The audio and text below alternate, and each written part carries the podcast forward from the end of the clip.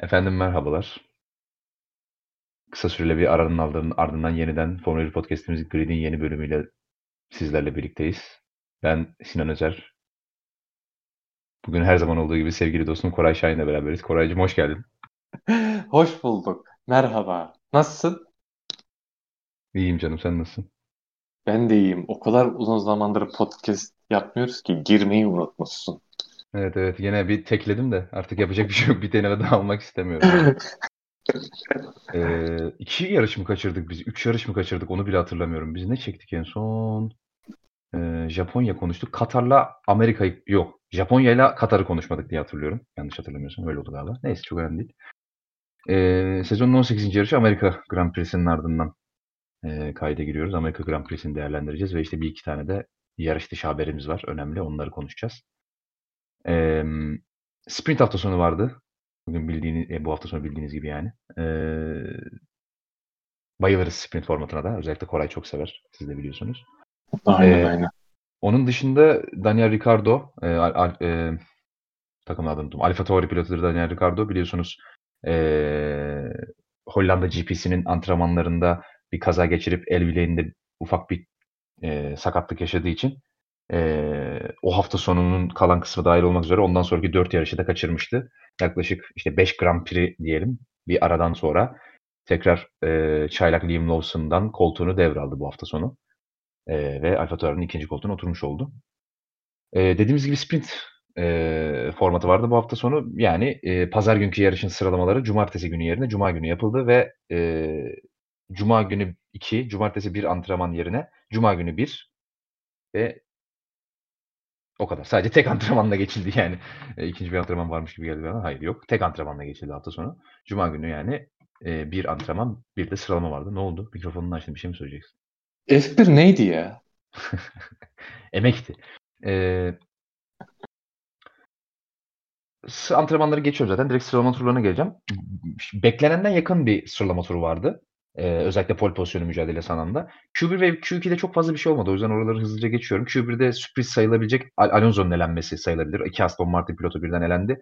Yani Stroll'inki çok sürpriz değil zaten ama özellikle Al Alonso'nun elenmesi sürprizdi. Q1'de elenen isimler e, Logan Sargent, Lance Stroll, Alexander Albon, e, Alonso ve Hülkenberg oldu. Hülkenberg'in elenmesinde sürpriz sayabiliriz. Genelde takım arkadaşı Magnussen'den daha iyi sıralama turları geçirir ama bu sefer e, takım arkadaşı Q2'ye kalmayı başarmışken o Q1'de elendi. E, Q2'de elenen pilot olarak sürpriz sayabileceğimiz kimse yoktu. Ricardo, Magnussen, Bottas, Guan Yu ve Tsunoda elenmiş oldu.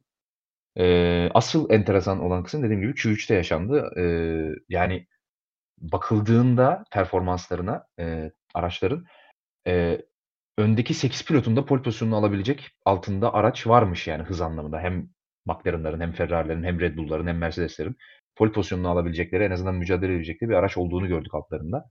Tabii bunu değerlendirenler oldu, değerlendiremeyenler oldu. Ee, Q3'ün son haklarına yani pilotların ikinci haklarına geçildiğinde önce Lökler bir pole pozisyonunu elde edecekmiş gibi oldu. Sonra ilk iki e, sektörde ondan daha yavaş gelen Verstappen son sektörde ondan daha hızlı bir iyi, daha iyi bir sektör atarak ki Lökler'in ikinci hakkında daha yani aslında pole pozisyonunu elde ettiği turundaki son sektörü ilk hakkındaki son sektöründen 0.1 saniye daha yavaştı. O yüzden bu da çok sürpriz olmadı. Verstappen binde 5 saniye çok ufak bir farkla Leclerc'in önünde e, bitirdi aslında e, sıralamayı damalı bayraklar sallandığında. Ancak e, zaten biz canlı izlerken kameralardan da gördük orayla. E, sondan bir önceki virajda o sol virajda sağdaki körbün dışına hafif bir taştı Verstappen ve biz turun silinmesini bekliyorduk ve hakikaten de öyle oldu. Turu silindi ve ilk turdaki ilk hakkındaki turuyla sıralamayı tamamlamış oldu. Bu da onu 6. sırada e, sadece sadece 6. sırada yer almasına sebep oldu. Böylece pole pozisyonu sahibi Charles Leclerc oldu. E, onun arkasında sıralamada e, Lando Norris vardı. Yaklaşık e, 0.1 saniye farkla. Onun hemen arkasında çok ufak bir farkla Lewis Hamilton vardı. Onların arkasında Sainz, Russell, Verstappen, Pierre Gasly, Ocon, Perez ve Piastri sıralamasıyla e, pazar günkü yarışın yani Grand Prix'nin sıralamasını tamamlamış olduk böylece. E, bir iki anekdot vereceğim sıralamayla ilgili. e, bu Sherlock'ların kariyerindeki 21. pole pozisyonu oldu. Ve e, Formula 1 tarihinde şampiyon olmamış pilotlar arasında en fazla pole pozisyonunu kazanan pilot oldu böylece Sherlock'lar 21. pole alarak. E, ama bir dipnot olarak şunu da belirteyim şampiyon olmadan önce en fazla pole pozisyonu kazanan pilot Nico Rosberg'ti. Çünkü 2016'da şampiyonluğunu elde etmeden önce tam 30 pole pozisyonu vardı Rosberg'in. 30 pole pozisyonu varken şampiyon oldu ve emekli oldu Rosberg. E, ama sonuçta şampiyon olduğu için bu rekoru şu an Lökler elinde tutuyor. E, böyle enteresan yani aslında olumsuz sayılabilecek de bir rekorun sahibi Lökler. Ve bu 21 pole pozisyon kazandığı 21 pole pozisyondan da sadece 5 galibiyet alabildiğini de belirtelim. Ee, onun dışında sıralamalarda tabii bir iki tane daha Lökler'le ilgili özellikle açıklaması ve komik bir olay var. Onları değineceğim ama önce Koray'a söz vermek istiyorum. Koray, e, nasıl değerlendirirsin sıralama turlarını? Senin de beklediğinden yakın geçti mi? Özellikle sen de herhalde bir Ferrari'nin pole pozisyon almasını beklemiyordun burada. Bizim özellikle sezonun ikinci yarısına baktığımızda çok da ekstra bir sıralama turu olmadı. Ee, şöyle çünkü ya ikinci yarısı demeyeyim de sezonun genelinde çünkü bazı yarışlarda e, Ferrari'nin sıralama turlarında Red Bull'a çok yakın olduğunu görüyorduk. İşte özellikle Norris, e, McLaren'ın güncellemelerinden sonra işte Red Bull vari güncellemelerinden sonra zaten oraya çok yaklaştığını biliyoruz. Aynı zamanda e, özellikle ikinci yarı, sezonun ikinci yarısından sonra da Mercedes'in bir yükselişi var. E, ya bunların hepsini bir araya getirdiğimiz zaman yani çok çok daha farklı bir şey bence görmedik. Zaten yarışlara göre sıralama turları zaten daha çok yakın geçiyor zaten sezonun genelinde böyle geçti. Yani çok sürpriz diyemeyeceğim ben e, Leclerc'in pole pozisyonuna. Ya çünkü zaten daha önce de konuştuk hani Ferrari'nin sorunu e, tek turda ya da hızlı tur atabilmek değil. Daha çok işte yarışta lastikleri ideal tutmak vesaire vesaire bunlardan bahsetmiştik. E, zaten McLaren için de aynı şekilde e, çok büyük yükselim, yükseliş geçirdiler. E, yarış içinde de bazen e, Red Bull'a cevap veriyor olabiliyor verebiliyorlar. Ama hani tabii ki hani Red Bull'un yine arkasındalar ama en azından işte hem pilotaj etkisi hem işte e, pist koşullar etkisi tap olabilir vesaire. Hani bunların hepsini de göz, al göz önüne aldığımızda bence çok çok farklı bir şey görmedik sıralamalar üzerinde. Ee, teşekkür ediyorum. Ee, evet böyle bir sıralama oldu aslında. Yakın, güzel geçen, heyecanlı geçen ve e, sonuçta Verstappen'in almadığı, pole pozisyonu almadığı bir sıralama turu oldu. Yani bu sezonun nadir anlarından bir tanesiydi. Nadir sayılabilecek diyelim anlarından bir tanesiydi bir Red Bull pole pozisyonunda görmemek. Ee, dediğim gibi araçlar birbirine sıralama temp- temposu olarak oldukça yakındı. Zaten buraya Mercedes de bir ciddi bir güncelleme paketiyle geldi.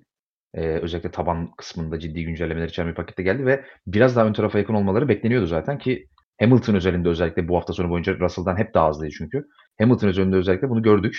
Ee, hem sıralamada hem yarış temposunda gerçekten hızlıydı. Gerçekten ön tarafa ön tarafta hep mücadele edebilecek bir tempoya sahipti. Ee, pole pozisyonunu da alabilirdi ama tabii Leclerc oradaki işte yine tek turdaki hünerini bir kez daha göstermiş oldu Norris ve Hamilton'ın önünde. Ee, şimdi cumartesi gününe geçeceğiz. Tabii cumartesi günü sprint formatı olduğu, ol, olduğu için dediğimiz gibi sprintin kendi sıralaması yani sprint shootout'a da verilen kendi sıralaması ve ondan sonra da sprintin yarışı vardı. Ama şöyle bir ufak bir durum var. Ben cumartesi günü komple yoktum. İkisini de izleyemedim. O yüzden burada biraz Kore'ye top atacağım. Aslında geldikten sonra baktım Kore'yle konuştuk. Çok bir şey olmamış zaten. Anladığım kadarıyla oldukça sakin bir gün geçmiş ama e, yine de biraz değerlendirmesini isteyeceğim kendisinden.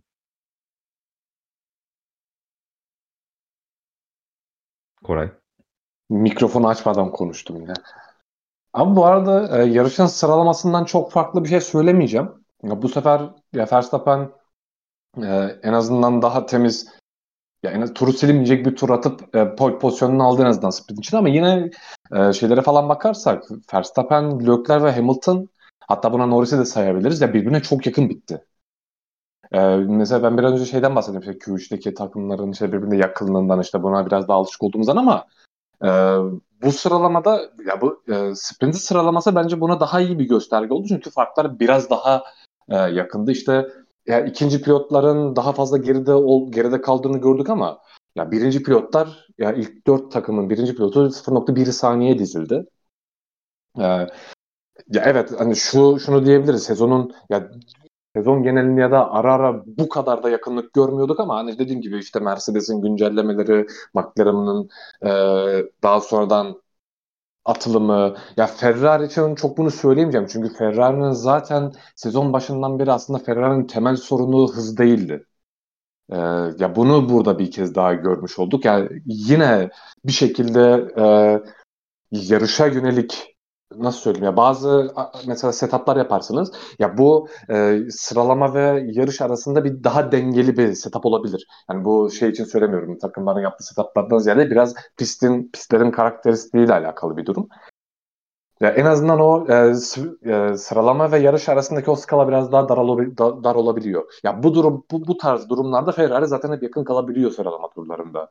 E, Red Bull'a. Çünkü diğer türlü yarışa yönelik setup yaptığınız zaman ya Ferrari sıralamalarda çok çok daha geri düşüyor. Yani diğer takımlar için de bunu söyleyebiliriz.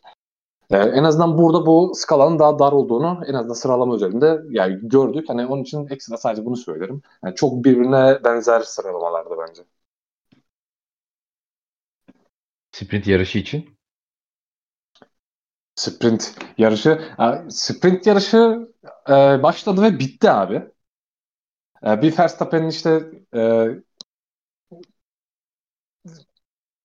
ya Verstappen zaten liderliği ya, lider kalk, kalktıktan sonra zaten her şeyi çok rahat bir şekilde götürdü ki yani bir tek e, blokları sıkıştırdığı bir pozisyon vardı o pozisyon biraz konuşalım ama yani gayet adil bir mücadele yani tamamen pistin dışına atma gibi durum yok bloklerde biraz fazla kaçtı bu durumda. Ee, şey çok konuşuldu. Ee, Sainz'ın soft, herkesin medlerle başlamışken Sainz softlarla başladı ki ve ya softlarla başlamasına rağmen Ferrari'nin de lastik kullanım durumunda düşünürsek Sainz'ın sprint performansı bence bayağı iyiydi. Yani çok fazla e, hatta hiç sıra kaybetmedi yanlış hatırlamıyorsam. 6. başlayıp 6. bitirdi. E, o yani Sainz'ın performansından bahsedebiliriz. Gayet iyiydi. Özellikle zaten e, lastiklerin çok çok daha aşınmış olmasını beklediğin hatta performansın çok düşmesini beklediğin işte 12-13. turdan sonra hatta biraz Sainz'ın performansının arttığından bile bahsedebiliriz bu dönemde. O, o durumu iyi yönetti. Sainz hatta Ferrari de yarıştan, e, sprintten sonra bir açıklama yaptı galiba Vasör yapmıştı. E, elimizde fazla med olmadığı için ve e, pazar günkü yarışa düşündüğümüz için Sainz'ı softlarla başlatmak zorunda kaldık demişti. E, sprintte olan, yani üstüne durabileceğim bir de e, Russell'ın ceza e, pozisyonu var. E, ya, yanlış hatırlamıyorsam Gezdi ile yaşadığı bir mücadeleydi. E, pist dışından geçiş yapmıştı ve daha sonrasında 5 saniye ceza ver, ceza gelmişti e, Russell'a. Ya evet oradaki pozisyonda mesela Gezdi ve hmm, Russell'ın pozisyonuna bakarsan Russell dışarıda kalmak zorunda kalıyor çünkü ona alan kalmıyor. Bir, e, Russell'ın oraya girişi çok geç. Hani zaten Gezdi'nin ona alan bırakabileceği bir frenleme yapmıyor. Çünkü frenlemesi falan çok biraz daha sert bir geliş yapıyor. Yani Verstappen var bir geliş yapıyor. Hani buna da Gezdi hazırlıksız yakalıyor ki orada pist dışına taşması çok normal. E, Russell'ın ve bu herhangi bir ceza gerektirecek bir durum değil. Üstüne ki zaten özellikle işte çakıl alan, işte çim alan vesaire olmadığı sürece bu tarz pozisyonlara da e, Formula 1'in ceza vermediğini biliyoruz. E, bunun üstüne de, de pozisyon devamında da Russell e, Verstappen'in bilmem hatırlar mısınız ama Verstappen'in e, Raikkonen'e bir hatağı vardı. Aynı hatağı yaptı Russell. E, pisti Hı-hı. keserek e, körblerin üstünden geçerek tamamen ve e, dört tekerlerinde dört tekerlerinde pist sınırları dışında kendi bir hata vardı. Ve bundan dolayı da 5 saniye ceza e, geldi Russell'da ki hani pozisyonu evet dışına taşmış vesaire diyebilirsiniz ama hani bu kendine avantaj sağladığı bir durum olduğu için de yani ceza doğruydu. Bir tek bunu söyleyebilirim sıralama e, sprintle ilgili. Ağzına sağlık teşekkür ederim. Benim yani izleyemediğim seansları böyle özetlediğin için zaten anladığım gibi çok da bir şey olmamış. Bir, yani. bir şey kaybetmedi zaten. Bomboş. Evet. 19 tur boşluktu yani. Evet. E, günün ana yani hafta sonunun ana olayına main eventine geçelim. Pazar günü yarış. E, söylediğimiz gibi Sherlockler polden kalkıyordu. E, arkasında Norris Hamilton şeklinde, Sainz Russell şeklinde bir e, sıralama vardı. E, yarışa arkadaki 17. ve 19. sırada galiba iki pilot dışında herkes e, medium lastiklerle başladı. O iki pilotta sadece hard lastik vardı ve e, Aston Martin, her iki Aston Martin pilotu ve her iki Haas pilotu e, yarışa yeni bir setup'la pit yolundan başlamayı tercih ettiler. E, bunu da bir dipnot olarak verelim. E, startta Norris biraz daha iyi bir kalkışla, biraz daha iyi bir getaway ile e, ilk, ilk hem de ilk viraja gelirken de sol viraja gelirken de içeride pozisyon olarak e, lökleri geçmeyi başardı ve liderliği aldı. E, Sainz de aynı sıralarda e, Hamilton'ı geçip 3. sıraya yükselmiş oldu. Böylece Norris, e, Leclerc, Sainz, Hamilton sıralamasıyla ilk viraja geçtik. İşte yine ilk virajda e, ilk viraja gelirken Verstappen de E, 6. sıradan 5. sıraya yükseldi böylece. E, ilk şeyin, e, ilk turun ilk sektöründe aralarında temas yaşanan Ocon ve Piastri her ikisinin de aracın side pod kısımlarında hasar oluştu ve önce Ocon daha sonra yarışın ilerleyen kısımlarında da Piastri bu oluşan hasarla sebebiyle yarış çıkarmak zorunda kaldı. Eee, ilk 2 tur tamamlanıp DRS açıldığında yani DRS aktif hale getirildiğinde, eee, yarış kontrol tarafından, eee, Norris Leclerc'in DRS'sinden çıkmayı başarmıştı. Farkı yaklaşık 2 saniye kadar çıkarmayı başarmıştı. Eee, Hamilton da start kısmında Sainz'a kaptırdığı yere geri almak için Sainz'in arkasında dolaşıyordu. Yani Ferrari'nin temposunun, eee, Red Bull'lar, McLaren'lar ve Mercedes'ler kadar iyi olmadığı aslında daha yarışın ilk turlarından anlaşılıyordu. Eee, Hamilton'ın kovalamacası 4. turda sona erdi ve DRS yardımıyla Sainz'i geçip 3. sıradaki yerini geri almış oldu starttaki yerini. Ondan hemen 2 tur sonra da Leclerc'i geçip 2. sıraya yükseldi ve Norris'i kovalamaya başladı. Eee, Leclerc'i geçip 2. sıraya yükseldiğinde Norris'le yarış lideri Norris'le Hamilton'ın arasında yaklaşık 4 saniye civarı bir fark vardı. Bu yarışın ilk birkaç turluk kısmını nispeten sakin geçiren Verstappen 5. sırada yarışa devam ediyordu bu sırada. Eee, ve Hamilton her iki Ferrari geçtikten sonra o iki Ferrari'nin arkasında 5. sıradaydı. Eee, tabii Ferrari'lerin temposu yarış turları ilerledikçe düşmeye başladıkça görece diğer, eee, rakiplerine göre Verstappen de Ferrari'leri kovalamaya başladı ve, eee, 11. tura gelindiğinde her ikisini birden geçip o da 3. sıraya yükselmiş oldu. Eee, yarış Norris, Hamilton, Verstappen sırasıyla devam ederken, eee, ve Verstappen o öndeki ikiliye çok da öyle aman aman bir hızla yaklaşamıyorken daha dengeli bir performans var ki bu 3 pilot arasında. Öndekilerden ilk zarı atan pilot Verstappen oldu.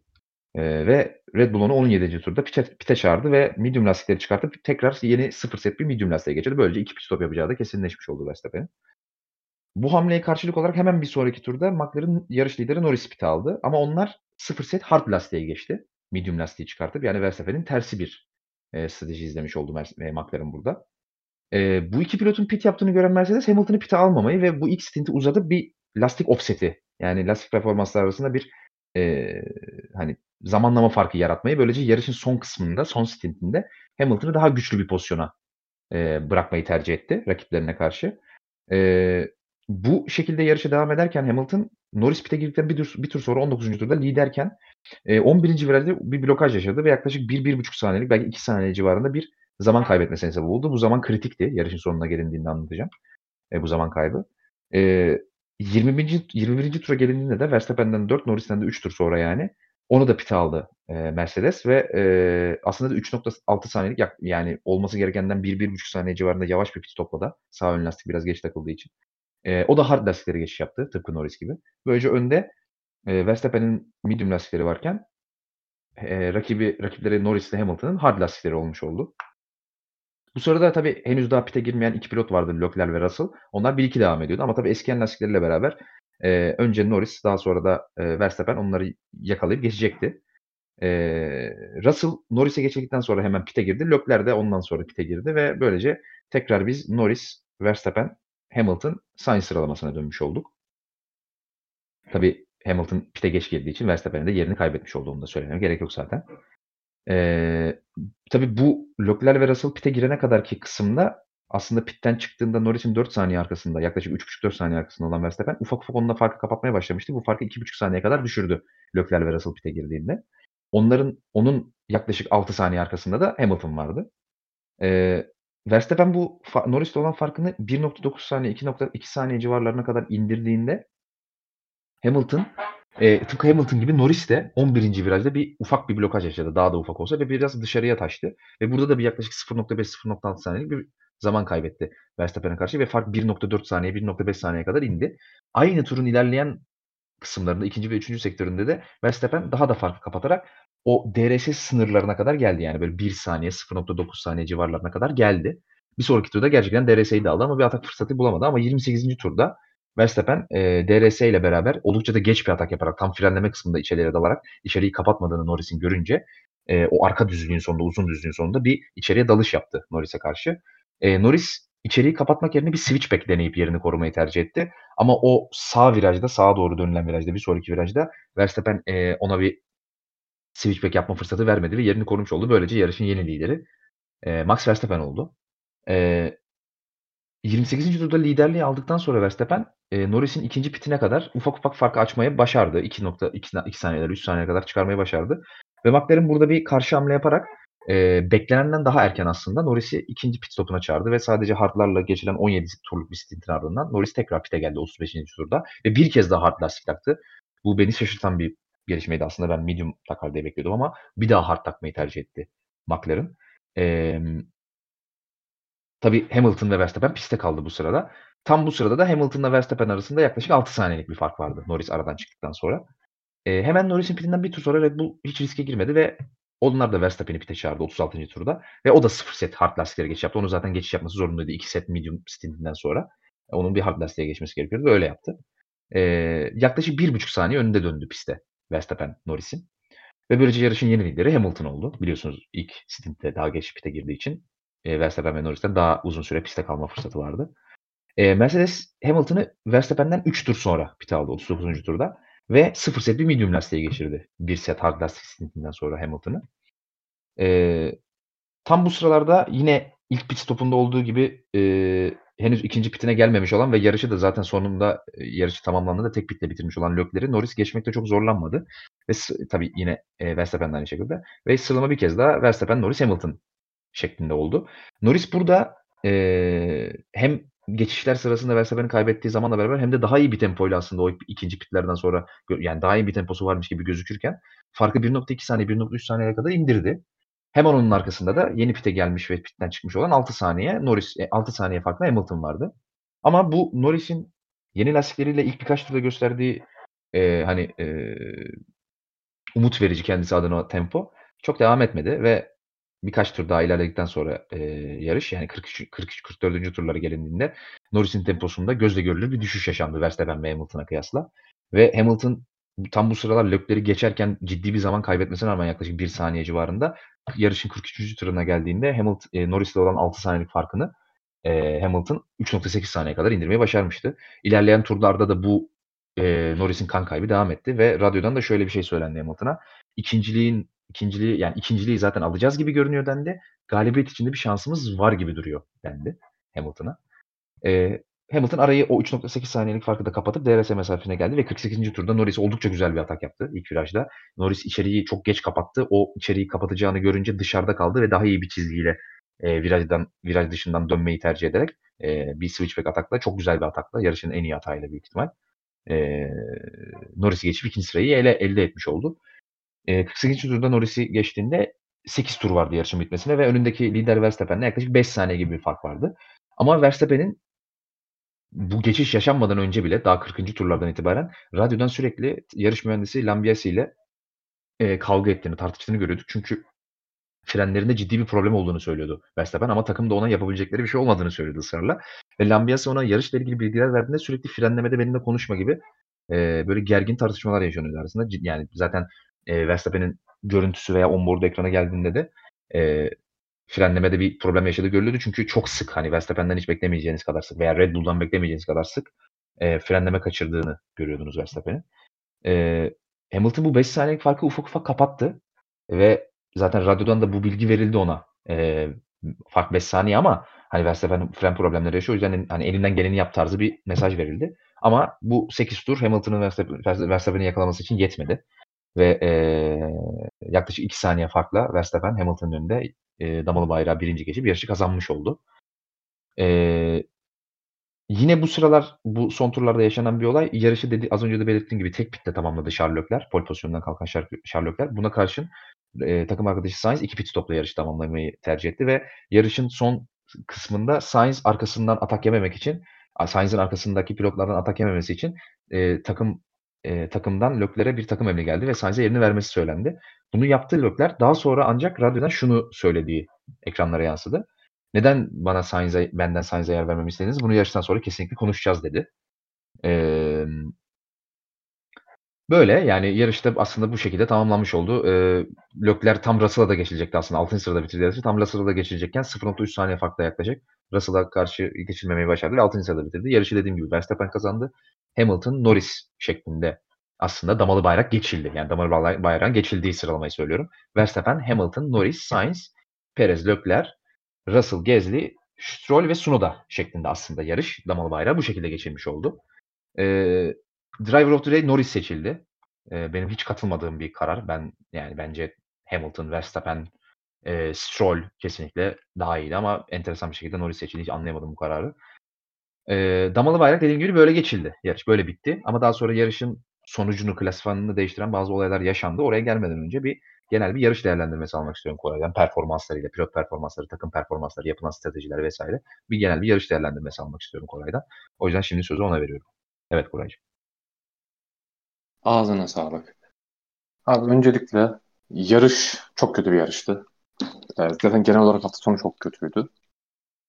Ee, ya aslında e, şeyde e, nasıl söyleyeyim ya en büyük ya zaten yarışın yani en büyük şeyi konuşabil, konuşabileceğiniz büyük şey işte farklı stratejileri görmüş olmamız işte atıyorum mesela Lökler tek pit yaptı. E, Verstappen'in işte ikinci ilk pit stopunda medlere geçti. Diğer takımlar hard tercih etti vesaire.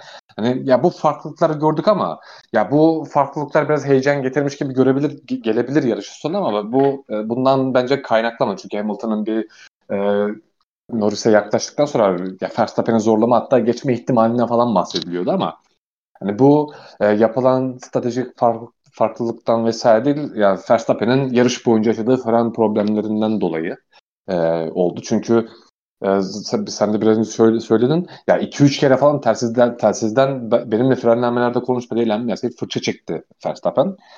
Yani onun için o durum e, biraz Mercedes'in hızından işte ya da stratejisinden daha çok e, Red Bull'un yaşadığı sorunlardan kaynaklı. Öncelikle e, bundan bahsedeyim. Yani sen biraz önce şeyden bahsettin e, Piastri ve Ocon temasından bahsedin. Önce ben bir e, kısa bir ona değinmek istiyorum. Hani klasik bir yarış kazası. İki pilotun da birbirinin üzerinde çıktı neredeyse. Hani birbirinin üzerinde hareket hareket bulundu ve çok fazla alanlarının kalmadı. Yani direkt olarak bir yarış kazasıydı bu.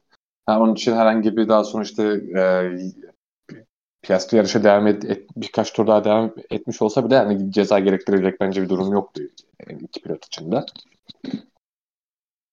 Ee, ya ben e, ilk pit stopları sonrasında e, Hamilton'ın neden daha fazla aşağı yukarı 4-5 tur daha fazladan pistte kaldı ve ben bunu çok e, anlamadım açıkçası. Ya zaten Verstappen e, aşı, e, galiba dördüncü ya da beşinci sıradaydı, sıradaydı ilk pitlere gelmeden önce ki zaten zar atması gereken pilot konumunda oydu ki işte o bölümdeki pilotlar Norris, Sainz vesaire bunlar zaten Verstappen girdikten sonra hemen pite geldi ama Hamilton devam etti.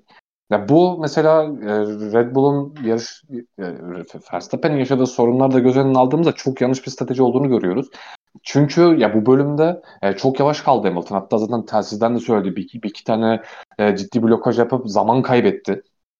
E, hem de hem bu şekilde zaman kayıpları var hem de tur zamanları olarak da kayıpları var. Hani e, bu çok yanlış bir strateji stratejiydi e, Mercedes üzerinde ki e, evet Red Bull sorunlar yaşıyor olmasına rağmen e, mesela yarışın başında bu çok bilinmiyordu ama tempolar arasında Hamilton ve Verstappen'in tempolar arasında çok büyük fark yoktu. Yani onun için buna daha çabuk reaksiyon almaları e, gerekirdi. Yani Mercedes belki burada Hamilton'ın e, lastik korumasına güvenmiş olabilir ya da işte e, son stintte tekrar yani med hard hard yapmak yerine med hard med da ya da med med hard için bu e, bölümü uzatmış olabilirler ama yani ne olursa olsun her her şekilde ya çok yanlış bir strateji. Çünkü o 4-5 turluk bölümde çok zaman kaybetti Hamilton ki yarışın sonunda gördük ki bu zaman kaybı Hamilton'ın galibiyetine mal oldu. Yani sadece bununla da alakalı değil. Yani bu pitte iki, iki pitte de Verstappen'e oranla pit stoplarda da yaklaşık 2-2,5 saniye kaybetti Hamilton. Yani aslında biraz e, yarışın gal, gal, galibini ince detaylar belirledi. Yani ya, da, da, ya da pist üstünde daha sonraki mevzular çıkmadan önce Hamilton galibiyetini bu tarz ince detaylarda kaybetti. Hamilton galibiyeti bu detaylarda kaybetti bence. E, yarışın özellikle son bölümde e, ya ben şunu yarış son bölüme gelmeden önce Norris'in e, ikinci piti bence ya şimdi sen söyledin çok erken bir ikinci pit yaptı Harda Harda geçmiş olmasına rağmen ya Medler'le 17 tur gitmişti Norris. Daha sonrasında e, Hard'larla da 17 tur, 17 tur gidip 34. turda yanlışlamıyorsam şeye girdi. Pite girdi ve tekrar hard lastik taktı. Ya bunu e, Verstappen'e karşı işte bir undercut girişimi vesaire ya bunun için mi düşündüler? Çünkü e, Norris gerisinde kalmıştı Verstappen'in. Ya gerisine düşmüştü. Aslında hani e, çok da ilk başta çok fazla tempo farkı yok çünkü Hamilton, e, Verstappen e, Norris'i geçtikten sonra işte switchback denemiş Norris ama o çok hatalı bir karardı. O geçtikten sonra Verstappen direkt olarak farkı açamadı. Doğal olarak zaten e, araçtaki sorunlar da var ama yani Norris Verstappen'in derecesinde kaldı ve ilk başta o temposuna cevap verebildi.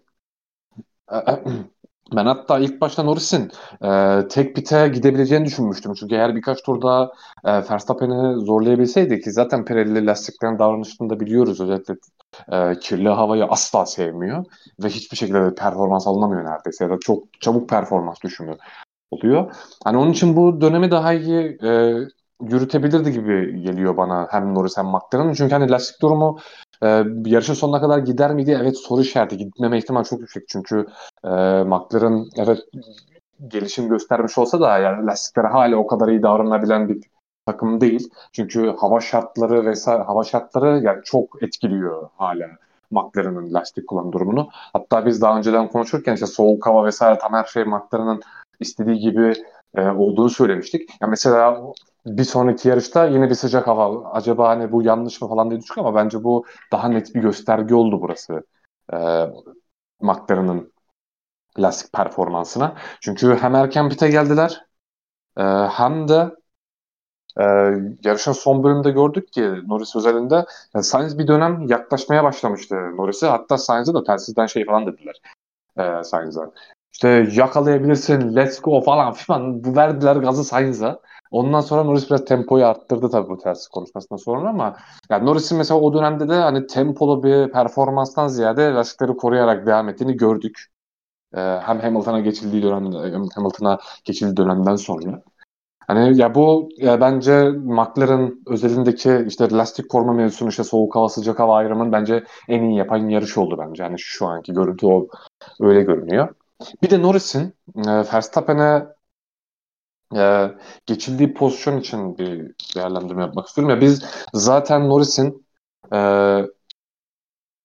savunma yapma konusunda tembel ya da savunma tembel pilot olduğunu zaten daha önce konuşmuştuk.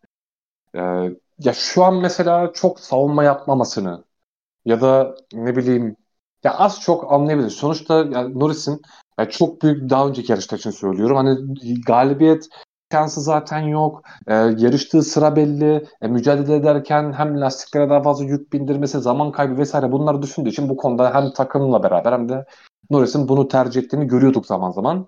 Bu doğruydu. Ama işte podyum mücadelesi yapmaya başladığından beri ya bu tutumunun ne kadar yanlış olduğundan bahsediyoruz ki bunu bence çok net bir şekilde burada gördük. Ya evet lastik kullanımından bağımsız olarak Şimdi Verstappen medlere geçmişti ki e, Norris'te de hard vardı o dönem ve buna rağmen yani Norris'in temposu iyiydi. Evet Verstappen çok iyi geldi arkasına. Ama e, dediğim gibi geçtikten sonra farkı açamadı ilk başlarda. Birkaç tur Norris DRS'sinde kalmaya devam etti Verstappen'in. Ve bu bölümde e, bu, bu, bu, e, nasıl söyleyeyim ya bu kadar ya hız farkı iki takım iki pilot arasında birbirine yakınken Norris'in e, hem çok fazla mesafe olmadan sağ virajını bir sonraki viraj sağ viraj bu şekilde ve bundan önceki virajda switchback denemesi bir kere çok büyük hataydı. Her ne olursa olsun. Ee, çünkü hem içeriği kapatmıyor. Yani zaten Norris'in içeri kapatma konusundaki tembelliğinden de bahsettik. Hem içeri kapatmıyor. Hadi bunu bilerek yapmış olsun. Switchback denemek için olsun ama orası switchback için ideal bir yer değil. Çünkü çok fazla mesafe olmadan bir sağ viraj var. Direkt yerine geri kaybediyorsun e, diğer, diğer diğer pilot içeride kaldığı için hani ya çok daha iyi lastiklerle virajı çok daha iyi tutunman lazım. Yani çok zor bir atak ki öyle bir durum da yok zaten. Hani harda net en azından. Ve Red Bull e, aracı bir lastikleri çok daha iyi davranıyor. Yani çok net deriler bunlar. Onun için oradaki Norris'in tutumu çok hatalıydı. Ya hem Verstappen'i biraz daha zorlayabilirdi. Çünkü bu arada Verstappen'in yaptığı atak da orada e, Norris az bir şey bile, çok az bile içeriye doğru kapanmış olsa, virajı ortalamış olsa, kapa, tamamen kapanmaktan bahset, bahsetmiyorum. Verstappen orada atak yapamayacaktı. Çünkü çok sert ve çok geç bir frenle Verstappen oraya geldi ki hatta e, Norris e, switchback planı kurmuş diye düşünüyorum ben kafasında. Eğer onu kurmasaydı kaza çıkma ihtimali de çok yüksek bir pozisyondu bu arada. Ee, onun için oradaki Norris'in yaptığı savunma yani zaten bas, rakibi de Verstappen yani en ince deliğe burnunu sokar. Yani bu, bütün e, grid tarafından en net bir şekilde bilinmesi gereken şeylerden biri şu an. Yani onun için o bölümdeki Norris bence çok e, yine o eleştirdiğimiz Norris performanslarını bir, birine gösterdi o dönemlerde ondan bahsedeyim. Ya Hamilton ve Verstappen özelinde ya Hamilton evet biraz önce bahsettim çok yanlış stratejiler yaptı ama ya Hamilton ya herhalde bu sezon kendini bu kadar yarışa e, verdiği bir yarış daha olmadı bence. Çünkü e, ya ben yarış boyu Hamilton'ın onboardlarında izledim. E, hem işte telsiz konuşmalarını duy, duyduk. E, Hamilton ama Hamilton'ın genelde demeçlerinde şunu çok görürüz. Yani telsiz konuşmalarında. Ya işte o şunu yaptı, bu bunu yaptı, bu niye böyle, bu niye şöyle tarzı işte şikayet varı e, telsiz konuşmaları gördük. Bu hafta sonu bu yarış özelinde Hamilton'dan bunu görmedik. Tam tersi pist üstüne ne olabilir ne yapabilirimin üzerine e, bir telsiz konuşması sekansı yaşandı genelde Hamilton'dan ve ya şunu da çok net gördük hem telsiz konuşmalarından hem performansından vesaire. Hatta bir ara strateji falan da kendi yapmaya çalıştı. Yani Hamilton'ın bu sezon kendine verdiği en net yarış buydu. En çok kendine verdiği yarış buydu. Hani performans da çok iyiydi. Ya ben aracın üstüne çıktığını düşünüyorum yarış boyunca. Çünkü e, Russell bir bölümde evet çok iyiydi ama yarışın bir bölümde çok iyiydi. Üst üste işte Festus'lar falan attı. Birkaç kere Festus falan attı. Hatta e, Grid'in aracı konumundaydı bir dönem ama e, Hamilton performansı işte hem sıralama hem durum olarak e, çok çok daha iyiydi. Zaten sıralamalarda da vesaire büyük fark attı Hamilton. Hani onun için e, hem aracın üstüne çıkıp hem de e, dediğim gibi çok konsantre bir yarış geçirdi. Onun için hani Hamilton'ın e, sezondaki en iyi yarışı bence buydu. Yani ve ya biraz Mercedes ama hatta e, 20. 20 ya da 21'de Hamilton pit'e geldiğinde e, normalde hala Mercedes kendi stratejisiyle kendi stratejisine bakar hatta şey söyledi. Daha fazla pistte kalabilir misin dediler.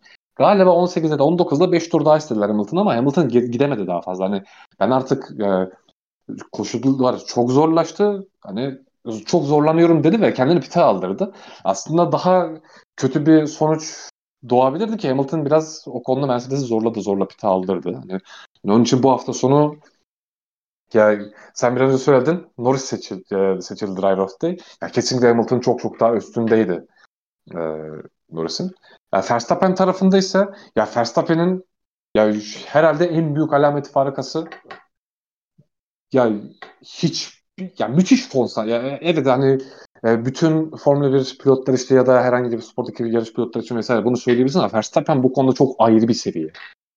Ee, ya da işte e, kendini araçtan nasıl bütünleştirdiğini vesaire ya da nasıl söyleyeyim ya bu konuda ya etik olarak ya çalışma etiği olarak vesaire ya işini en iyi yapan pilot pilotlardan biri ya hatta ya şu an gridde en iyisi bile olabilir Verstappen. Zaten bu oyunu her zaman övüyoruz ki ya bunun en büyük örneğini de bu yarışta gördük ki e, aşağı yukarı yarısın yarın yarısın yarışın yarısından çoğunu sorunlu bir araçta geçirdi. E, hatta biz bu sezon çok fazla e, Verstappen'in hata yaptığını vesaire e, görmüyoruz. Hatta bu sezon bu hafta sonu bir galiba antrenmanda spin attı. E, ondan öncesinde ya bu haftayı saymazsak Verstappen'in sezonda attığı spin sayısı 1. Yani böyle bir pilot ve araç birleşiminden bahsediyoruz. Ee, bu yarışta ise ya birkaç kere blokaj ve yarış esnasında birkaç kere blokaj ve pist dışına doğru yönlenme ya da pist dışına taşma durumlarını görüyoruz. Yani biraz daha de, o dengesizlik pist üstünde görülüyordu Verstappen'in. Onun için o işte e, Verstappen'in bu sezon nasıl sürdüğünün örneğin onun için verdim karşılaştırma yapmak için. E, onun için Verstappen'in performansını da edecek çok böyle tur zaman olarak vesaire çok ihtişamlı şeyler görmedik ama çok iyi bir idare gördük e, Verstappen'den bir hafta sonu. E, onun da bence hani yarışı zaten getiren hani yarışın sonrasında olaylardan bağımsız. Hani yarışı getiren performans buydu.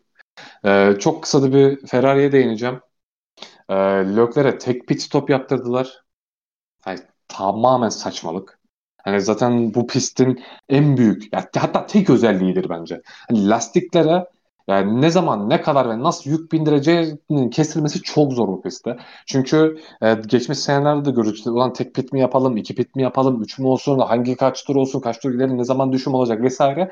Ya bu konularda hep soru işareti bırakan bir pist olmuştur burası. Hani zaten E, çok kötü bir pist bence. Ama hani bir özelliği varsa özelliği de budur e, Austin'in.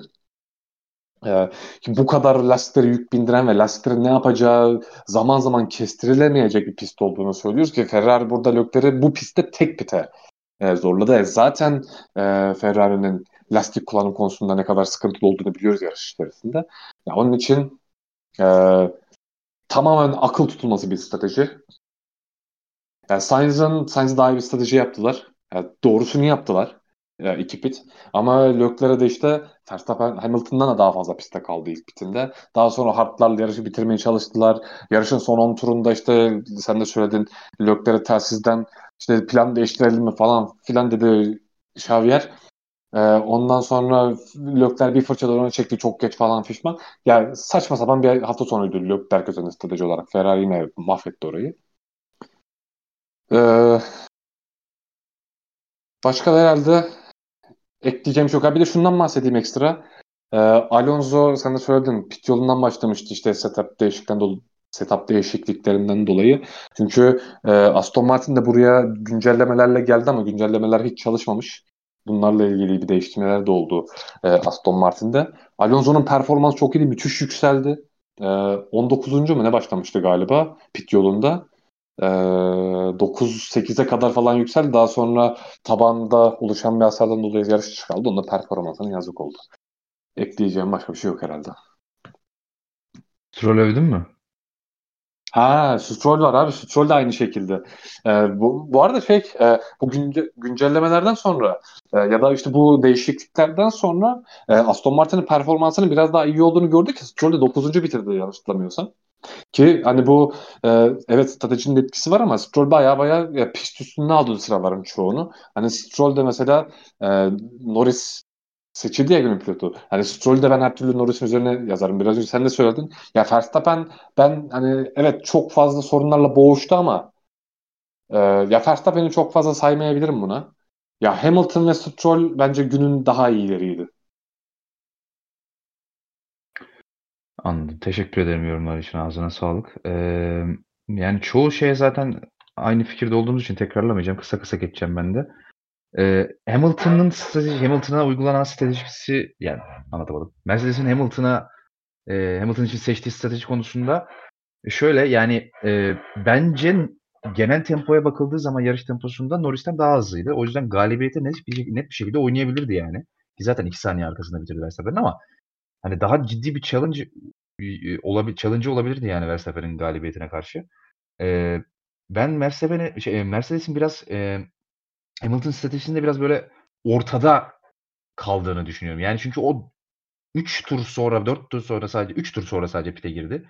Her iki şeyde de. Hem ilk pitinde hem ikinci pitinde Verstappen'de. Yani 3 tur o offset'i yaratmak için çok yeterli bir sayı değil. Hani 5-6 tur olacak ki en az o offset bir gerçekten bir işe yarasın. Yani 3 tur çok ortada. Hem 3 tur boyunca pilotunuzu e, yeni lastikli pilota karşı e, 5-6 saniye fark kaybedebileceği bir duruma sokuyorsunuz. Hem de hani sadece 3 turluk bir avantaj elde ediyoruz. Ben 5-6 tur olmadan e, tabii pistten piste göre değişir ama ortalama hani bir ortalama bir pist alırsak eğer tüm takvimdeki pistlerden bir ortalama alırsak ben 5-6 turun en azından e, offset'e değecek bir tur zamanı tur sayısı olduğunu düşünüyorum. O zaman gerçekten 7-8 saniye kaybetseniz bile çok ciddi bir avantajınız olabilir yarışın sonunda. Hani ben o yüzden hani 3 tur yapılacağına, 3 turluk offset yapılacağına keşke aynı turlarda alınsaydı diyorum. Belki daha ciddi bir şansı olabilirdi. Ki buna rağmen Hani hem kendi o, o işte 11. virajdaki dışarı taşması olmasa hem de pit stopu daha ciddi, daha e, normal yani 3.6 saniye yerine 2.2, 2.3 saniyelik bir pit stop olsa belki daha ciddi bir e, galibiyet şansı da olabilirdi Verstappen'in fren problemlerini de göz önüne aldığımızda. Ama olmadı. E, Ferrari konusuna girmiyorum zaten yani hani Lökler konuşacağız, yarıştan sonra konuşalım, konuşacağız gibi bir şey söylemişti. Konuştu mu merak ediyorum. Umarım illa ki konuşmuştur sonuçta biliyorsunuz. Takımlar yarıştan sonra pilotları ve yarış mühendisleriyle ve takım patronuyla ve işte bir iki tane daha kilit adamla beraber oturup yarış değerlendirmesi yaparlar. Nerede ne yaptık, nerede hata yaptık, nerede doğru yaptık vesaire falan. Mutlaka bir dile getirmiştir yani. Ha, bir şey değişiyor mu? Hayır. o da başka bir şey. Onun dışında e, yani e, hani Norris'in Driver of the Day seçilmesine sen de değindin. Kesinlikle katılmadığım bir şey. Yani en az 2-3 tane ondan daha iyi performans gösteren pilot sayabilirim. Ama kötü müydü? Hayır değildi tabii ki. Ve cezalarla beraber ikinci tamamlamış oldu zaten. Eee, Russell hafta sonunun zayıf isimlerinden bir tanesiydi. Yani Hamilton'a karşı temposu zayıftı. Hamilton'la ya hiç oralı değildi açık söylemek gerekirse. Eee, yani takım arkadaşına net bir şekilde geride kaldı bu hafta sonunda. Eee, Perez zaten yani çok konuşmaya gerek yok. Hani çok ciddi zaten konuşuluyor bu arada. Bu bu aralar çok ciddi konuşuluyor. Ki haberlere eklemedik ama eee, onu da şimdi not alayım, konuşalım. Çünkü o, onun onunla da ilgili ciddi haberler var. Şuraya Perez diye not alayım. Ben çünkü ne olduğunu biliyorum konuşacağımız şeyin. Eee, gerçekten kol, koltuğunun sallantıda olduğuna dair haberler çıkıyor. Her ne kadar Red Bull bunu ısrarla reddetse de. Ki böyle performanslar göstermeye devam ederse ne olacak ben de merak ediyorum gerçekten. Eee, Piastri hani kazasına rağmen sıralamalarda da zayıftı. Hani genel olarak Norris'le çok alakası yoktu bu hafta sonu. Onu da söyleyebiliriz. Eee, ki zaten daha önce de eleştirmiştik. Hani çaylak bir pilot ve Norris rakibi yani takım arkadaşı bu konuda çok exceptional bir pilot. Hangi konuda? Lastiklerden eee, maksimum oranda performans alma konusunda özellikle de istikrar. Yani lastiklerinin son ömrüne kadar performans alma konusunda çok yetenekli bir pilot Norris ve Piastri'nin bu konuda alması gereken çok daha uzun yol var. Bunu bütün sene boyunca konuştuk. Eee, o durum hala devam ediyor. Eee, onun dışında değinmek istediğim Aston Martin'lere sen değindin. Dediğin gibi Alonso e, bir taban arızasıyla yarış dışı kaldı. O taban arızası olmasa cezalarla beraber 6. bitirecekti. Yanlış hesaplamıyorsam Stroll de 7 bitirecekti. Eee, yarışa pit yolundan başlayan iki pilot olarak oldukça iyi bitireceklerdi. Ama sıralamalarda o ilk ikisinin de Q1'de elenmesi o da enteresan bir gelişmeydi. Yani e, güncellemeler belki sıralama performanslarını geriye mi götürdü diye düşünmedim değil yani. Göreceğiz onu da hep beraber. Böyle zaten çok konuşulacak da bir yarış yoktu dediğin gibi. Hani e, ben bu pisti zaten hiç sevmiyorum. Bunu da daha önce söylemişimdir büyük ihtimal. Çok yapay, çok yapmacık yani virajların niye olduğu belli olmayan. İlk viraj, ilk sektördeki o 3-4 slalom sağ sol haricinde oldukça zayıf bir pist bence yani. Hani hiçbir akışkanlığı yok, hiçbir bir şeyi yok. Çok geniş. Hem pistin kendisi geniş hem pistin kaçış, kaçış alanları çok geniş. Konsantre olamıyorsunuz. Yani o sense of speed'e ulaşamıyorsunuz asla izlerken falan yani. Felaket bir pist. O yüzden yarış izlemeyi de sevmiyorum yani. Yağmur da yağmıyor zaten. Zaten bir de Amerika'da yani. Çok daha fazla sebep saymama gerek herhalde. Evet böyle bir yarıştı. Ee, yarıştan sonraki diskalifiye olaylarına geçeceğim yavaştan. Eklemek istediğim bir şey var mı Koray onlardan önce? Yok abi. Okey. Ee, şöyle bir durum yaşandı. Ee, zaten daha bu diskalifiye incelemeleri hiç çıkmadan bile önce şu, e, zaten bu arada Aston Martin'lerle Haas'ların pit yolundan başlamayı tercih etme sebeplerinden de bir tanesi buydu. Şimdi biliyorsunuz burada sprint formatı olduğunu zaten söyledik. Şimdi burası e, takvimdeki en e, tümsekli pistlerden bir tanesi. Özellikle yarış çizgisinde bol bol e, yükselti yani işte böyle tümsek olan işte bump olan bayağı noktası var. Ve tabii pilotlar da biliyorsunuz, takımlar da biliyorsunuz daha doğrusu e, ground effect sebebiyle araçtan maksimum performans elde, elde edebilmek için e, kuralların izin verdiği maksimum e, yere yakınlık seviyesinde araçlarını yakın e, e, piste sürmeye çalışıyorlar. E, ama tabii e, böyle tümseyin bol olduğu pistlerde de bazı e, problemler yaratabiliyor aşınmalar gibi. E, şöyle bir durum yaşandı. Yarıştan sonra biliyorsunuz bunu daha önce podcastlerimizde de söylemiştik tekrarlayalım. E, sıralama ve yarış seanslarının ardından FIA e, rastgele birkaç araç seçip onlar üzerinde incelemeler yapar. Herhangi bir usulsüzlük var mı diye. Neden rastgele seçip e, yapıyor derseniz çünkü yeteri kadar zaman yok her aracı incelemeye. O yüzden dört tane araç seçip genelde onların üzerinde incelemeler yaparlar. Burada seçilen bir yarıştan sonra inceleme için seçilen rastgele dört araçtan da iki tanesi e, Hamilton ve Leclerc'in aracıydı. Ve şöyle bir e, açıklama yayınlandı yarış hakemleri tarafından, stewardlar tarafından. E, dediler ki rastgele incelemeye aldığımız dört araçtan iki araç Hamilton ve Leclerc'in aracında e, aracının plank kısmında yani aracın taban kısmındaki o tahta plaka kısmında bazı usulsüzlükler olabileceğine dair şüphelerimiz var. Bunları bunlar için inceleme başlatacağız dendi. Tabii biz de hemen e, bunu gördükten sonra baktık nedir, nedir yani bunun karşılığı. Zaten aslında biliyorduk hani bunun karşılığında eğer bir e, usulsüzlük varsa diskalifiye olduğunu ama hani kuralları da açtık baktık. Evet yani bunun hiç e, şüphesiz tartışmaya mal vermeyecek şekilde bir diskalifiye, diskalifiye durumunu yaratacağını. E, ben uyumuşum incelemeler sonuçlarına kadar. Yaklaşık bir 2 saat, 3 saat sürdü herhalde incelemeler çünkü. Takımlar dinlendi, her iki pilot dinlendi, her iki takımın temsilcileri dinlendi vesaire ama en sonunda beklenen oldu ve e, hem Hamilton'ın hem de Leclerc'in yarıştan diskalifiye edildiği e, açıklandı yarış hakemleri tarafından. Çok da güzel açıklayıcı bir yani e, net bir metinde açıkladılar bunu. Şöyle oldu süreç. İşte e, dediler ki şimdi kural e, numaralarıyla tek tek sizi boğmayacağım ama işte e, Formula 1 Technical Regulations'da yani Formula 1 teknik kurallarında şu şu şu maddede belirtilen aracın alt kısmındaki tabandaki e, minimum ya maksimum aşınma payı yani olmaz yarıştan sonra olması gereken e, minimum incelikten daha daha ince olduğu aracı özellikle o plan kısmının arka tarafında diye belirtilmiş. Olması gerekenden daha ince olduğu, aşına aşına daha da inceldiği ve e, bunun da kuralların işte şu şu şu maddesini ihlal ettiği ve bu sebeple bu sebeple de e, her iki pilotun da yarıştan diskalifiye edileceği edildiği söylendi.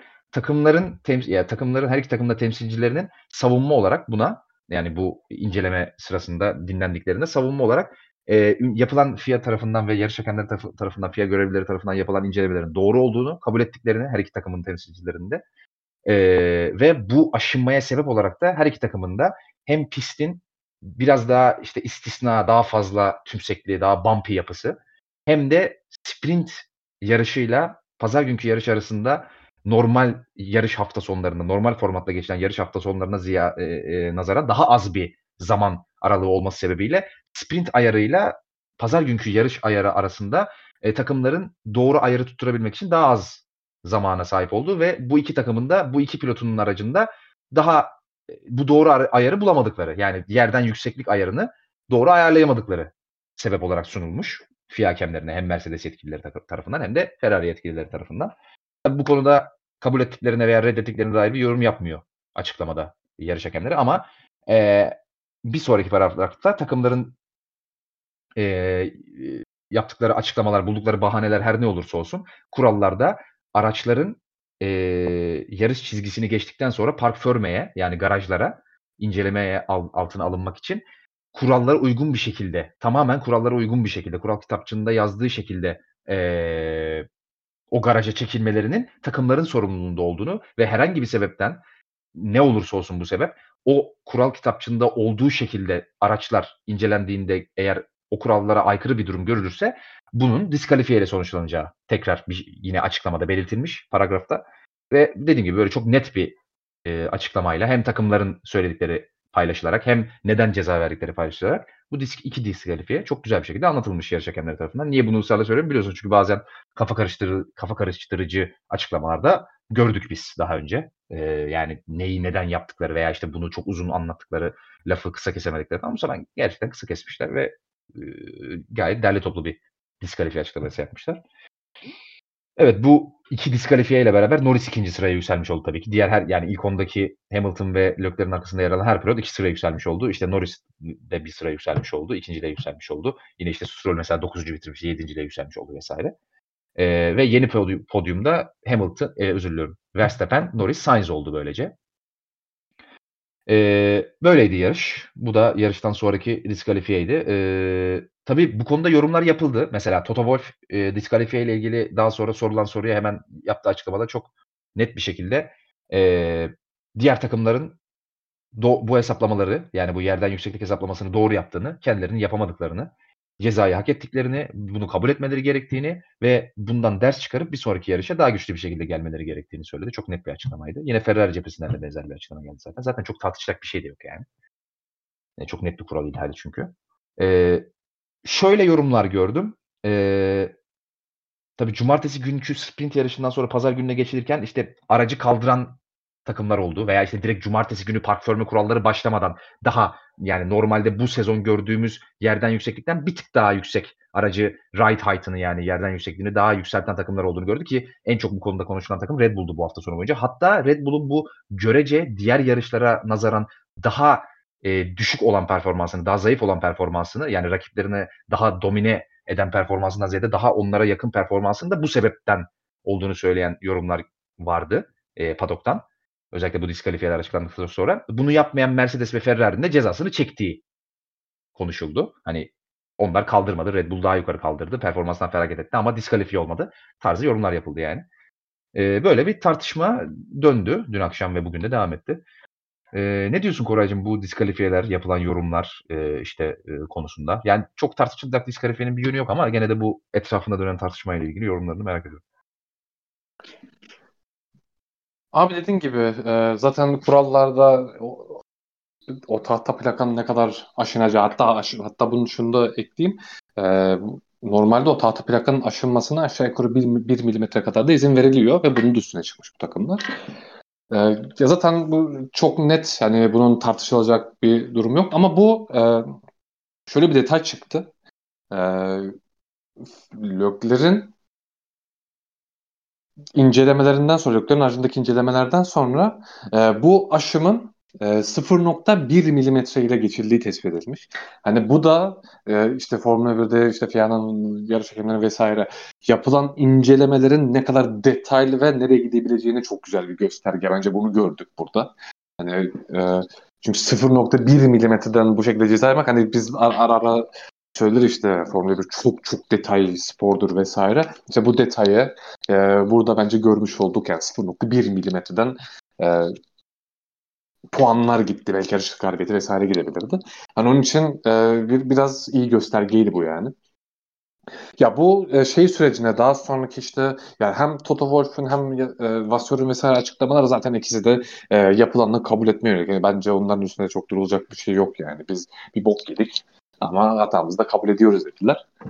E, daha sonrasında çıkan spekülasyonlara da abi şu an yani şu, doğru olabilir. Net bir şey söyleyemeyiz doğal olarak. Çünkü hani bunu bir kere daha görmemiz lazım. İşte devamını görmemiz lazım vesaire diyebileceğimiz bir durum değil çünkü. Hani muhtemelen Kanada olmayacak bir şey. Ee, sonuçta e, tutup da hani şey diyebiliriz bir takım gelişince bir, bir sonraki yarışa bakalım bir iki sonraki yarışa bakalım vesaire diyebiliyoruz. Çünkü zaten performans az çok görülebiliyor. Ama bu e, bir daha muhtemelen başımıza gele, gelmeyecek bir şey. Ee, onun için buna çok net bir cevabımız cevabımız hiçbir zaman bence olmayacak. Ama e, şöyle olabilir bir ihtimal olarak. E, zaten takımların ara, aracı olabildiğince alçaltmaya çalıştığını biliyoruz. E, ve bunu yaparak da e, yani bunun şu anki en azından e, şu anki kurallara göre göre çok daha verimli olduğunu zaten biliyoruz. E, ve özellikle Mercedes ve Ferrari cephesinde bu biraz ters tepmiş araç aracı daha e, alçaltmaya çalışmışlar yüksekliğini ama şey e, düşürmeye çalışmışlardı ama yükseldikçe bu biraz da sorun olmuş. Yani en azından performans düşümü gerçekleşmişti. Bu özellikle porpoising meselesinde bunu çok görmüştük. Ya onun için doğru olabilir kesin bir şey söylemeyiz ama ileride de bu bizim e, bu şöyleymiş, ha böyleymiş diyebileceğimiz bir bence e, bir durum değil. Başka soru var mıydı bununla ilgili? Başka, unuttuğum yani e, yani takım şey e, Red Bull özelinde yapılan yorumlara bir şey yani e, şunu aslında şöyle soracağım. Yanlış sordum. Tekrar düzeltiyorum cümleyi. E, şöyle yorumlar yapıldı. Denedik işte az önce belirttiğim gibi random seçilen dört araçtan iki tanesinin ihlali söz konusu oldu. Şimdi mesela e, şöyle sorular çok gelmiş. Çok da mantıklı sorular bunlar.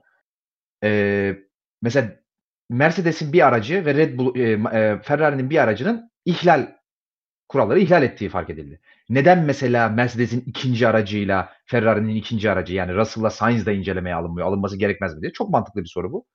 Ee, yani yapılabilecek tek açıklama şu. Zaman yok arkadaşlar. Yani çünkü bütün araçları tutsak ya iki tanesinde ihlal tespit edildik alanları da tutsun diye bir sonraki yarış hafta sonu mesela şimdi direkt bu hafta sonu yarış var mesela direkt ve Meksika'ya geçme, geçmeleri gerekiyor. Yani çok ciddi travel problemleri, yolculuk problemleri çıkartır mesela. Yani lojistik problemler çıkartır. Ve hani kurallarda da böyle bir şey yok açıkçası. Hani yap mesela arada bir hafta olsaydı yapabilir miydi? Yapabilirdi. Yapamaya yapmaya da bilirdi. FIA'nın inisiyatifinde bunlar çünkü kurallarda net yazmıyor bu. Böyle bir şey olursa böyle yapacaksınız diye. Yapılmaması eleştirildi. Ben de katılıyorum bu arada. Çünkü neden Hamilton'la Leclerc'in aracında olan e, usulsüzlük Sainz'le Russell'ın aracında olmasın? Mutlaka vardır diye tahmin ediyorum. Ama onlar kurtuldu mesela. Onlar rastgele seçilseydi onlar kurtulmayacaktı. Belki mesela örnek veriyorum McLaren'larda da vardı. Ama onlar da kurtuldu. Belki Aston Martin'lerde vardı sallıyorum. Onlar kurtuldu. Bu böyle ama yani buna çok yapılacak bir şey yok. Çünkü 20 aracı birden tek tek incelemeye kalkmanız demek korkunç bir zaman demek. Bunu dediğim gibi daha önce de konuşmuştuk yıllar önce podcastlerimizde. 2021'de konuşmuştuk en son yanlış hatırlamıyorsam. Ama böyle bir durum var. Ama ben şuna inanıyorum. Senin de o yorumunu alacağım bu konuda. Özellikle bir takımın bir aracında böyle bir şey tespit edildiği zaman bence, bence o takımın ikinci aracı için bir exception yapılması lazım. Yani Mercedes'in bir aracında bir usulsüzlük tespit edildiyse bence ikinci aracı da özellikle incelenmeli. Yani okey travel problemleri bilmem ne falan ama o zaman yapmasaydın diyeceksin yani e, bu hatayı ve bu takımı sorumlu tutacaksın. Çünkü yani dediğim gibi neden Hamilton'da varken Russell'da olmasın ki? Neden Leclerc'de varken Sainz'de olmasın? Sen ne diyorsun bu konuda? Abi hani elde, elden gelse hani sadece işte böyle bir sorun bulunduğunda sadece aynı takımdaki araç değil bence diğer araçlara da bu e, inceleme yapılmalı ama hani buna dediğin gibi e, hem her, her şeyden öte zaman yok. Çünkü ya yarış kaçta bitti? 10 ona 11 buçuk gibi falan Türkiye saatine göre yarış bitti. Ya karar gece 3-4 gibi açıklandı. Hani iki tane aracın incelemesi aşağı yukarı 5 saat sürdü. Ya ve bunu 20 araca yapmak zor. Hani bunu zaten yapamaz. evet evet bu böyle bir şey ama ben dediğim gibi hala o takımın ikinci pilotu için bir exception yapılması gerektiğini düşünüyorum. Çünkü burada bir evet belki zırlayacak Mercedes'te Ferrari mesela bu örnekte. Yani işte abi ne ara gideceğiz yarışa falan. E, abi o zaman ihlal yapmasaydın diyeceksin yani. Yapacak bir şey yok çünkü. Hani çünkü ya şuna eminiz yani. Ben eminim en azından. Ya Russell'da Sainz'de de vardır bu çok büyük ihtimal. Ya çünkü aynı araç. Yani right height konusunda bir setup farklılığı olmaz araçlar arasında. Çok çok böyle e, e, istisnai bir durum olmadığı sürece. Yani çok büyük ihtimal o iki araçta da vardı. Onlar kurtuldular mesela. Ya bir de e, şöyle bir şey var abi. E, özellikle bu e, bahsettiğimiz tahta plakaların üzerlerinde hem delikler var o, o bölümlerde titanyum plakalar var. Zaten bu iki aracın incelenmesinin en büyük nedenlerinden biri de şuymuş. Bu titanyum plakalarda vesaire aşınma olduğu zaman çok fazla koku yayıyormuş. Ve yani özellikle bu iki aracın seçilmesinin nedenlerinden biri de buymuş. Yani rastgele değilmiş yani. Bu info kesin mi? Yani, yani şöyle ya ben info şöyle hani yüzde yüz FIA böyle davrandı vesaire demiyorum ama ya öyle bir bilgi düştü. Yani mesela o oradaki titanyum plakalar vesaire aşındığı zaman çok yoğun bir koku e, yayarmış etrafa. Hani zaten bu e, incelemeler de bundan kaynaklı çıktığı dair ben bir şeyler okudum ama hani kesin mi değil mi bilmiyorum bunu. Ama e, eğer böyle bir şey varsa ki vardır hani böyle bir şey de göre hani buna yönelik de seçilmiş olabilir o araçlar. Anladım. Hani, evet biz hani söylüyoruz random seçiliyor ama bu araçlar mesela random seçildiğinde her zaman illa senin elinde bir araç seçerken kanıt olmasına gerek yok. Ya da bir elinde kanıt varken ya da bir şüphe varken de o aracı seçebilirsin. Hani bu durum olmuş gibi görünüyor e, Hamilton'la Lökler'de. Anladım. Ya bu çok spesifik bir info sonuçta. Bunu kimsenin götünden uyduracağını zannetmiyorum.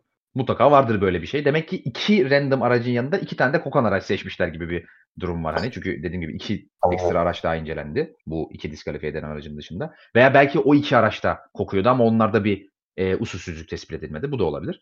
Seçenekler çok ama FIA bu konuda bizimle bir paylaşım yapmadı bu kadar detaylı. Ee, ama bu bir mesele. Evet yani bu daha mesele de olmaya devam edecek. Çünkü e, yani yarın öbür gün yine rastgele incelemeler sonucunda diskalifiye olan araçlar olacak.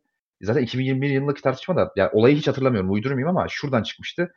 Ya işte böyle ya izleyenlerin çoğunluğu çok çok ciddi bir kısmı doğal olarak bu detayı bilmiyordu. Yani araçların sadece bazılarının her seanstan sonra incelendiğini, diğerlerinin incelenmediği detayına hakim değildi. O 2021'de yanlış hatırlamıyorsam olan olaydan sonra olmuştu. Ama dediğim gibi olayı hatırlamıyorum. Tabii yine bu tartışmalar çok ciddi alemlenmişti. Ya işte ne demek random seçilmek? Ya diğer araçta da usulsüzlük varsa ne olacak? Kurtulacak mı? Evet kurtuluyor yani.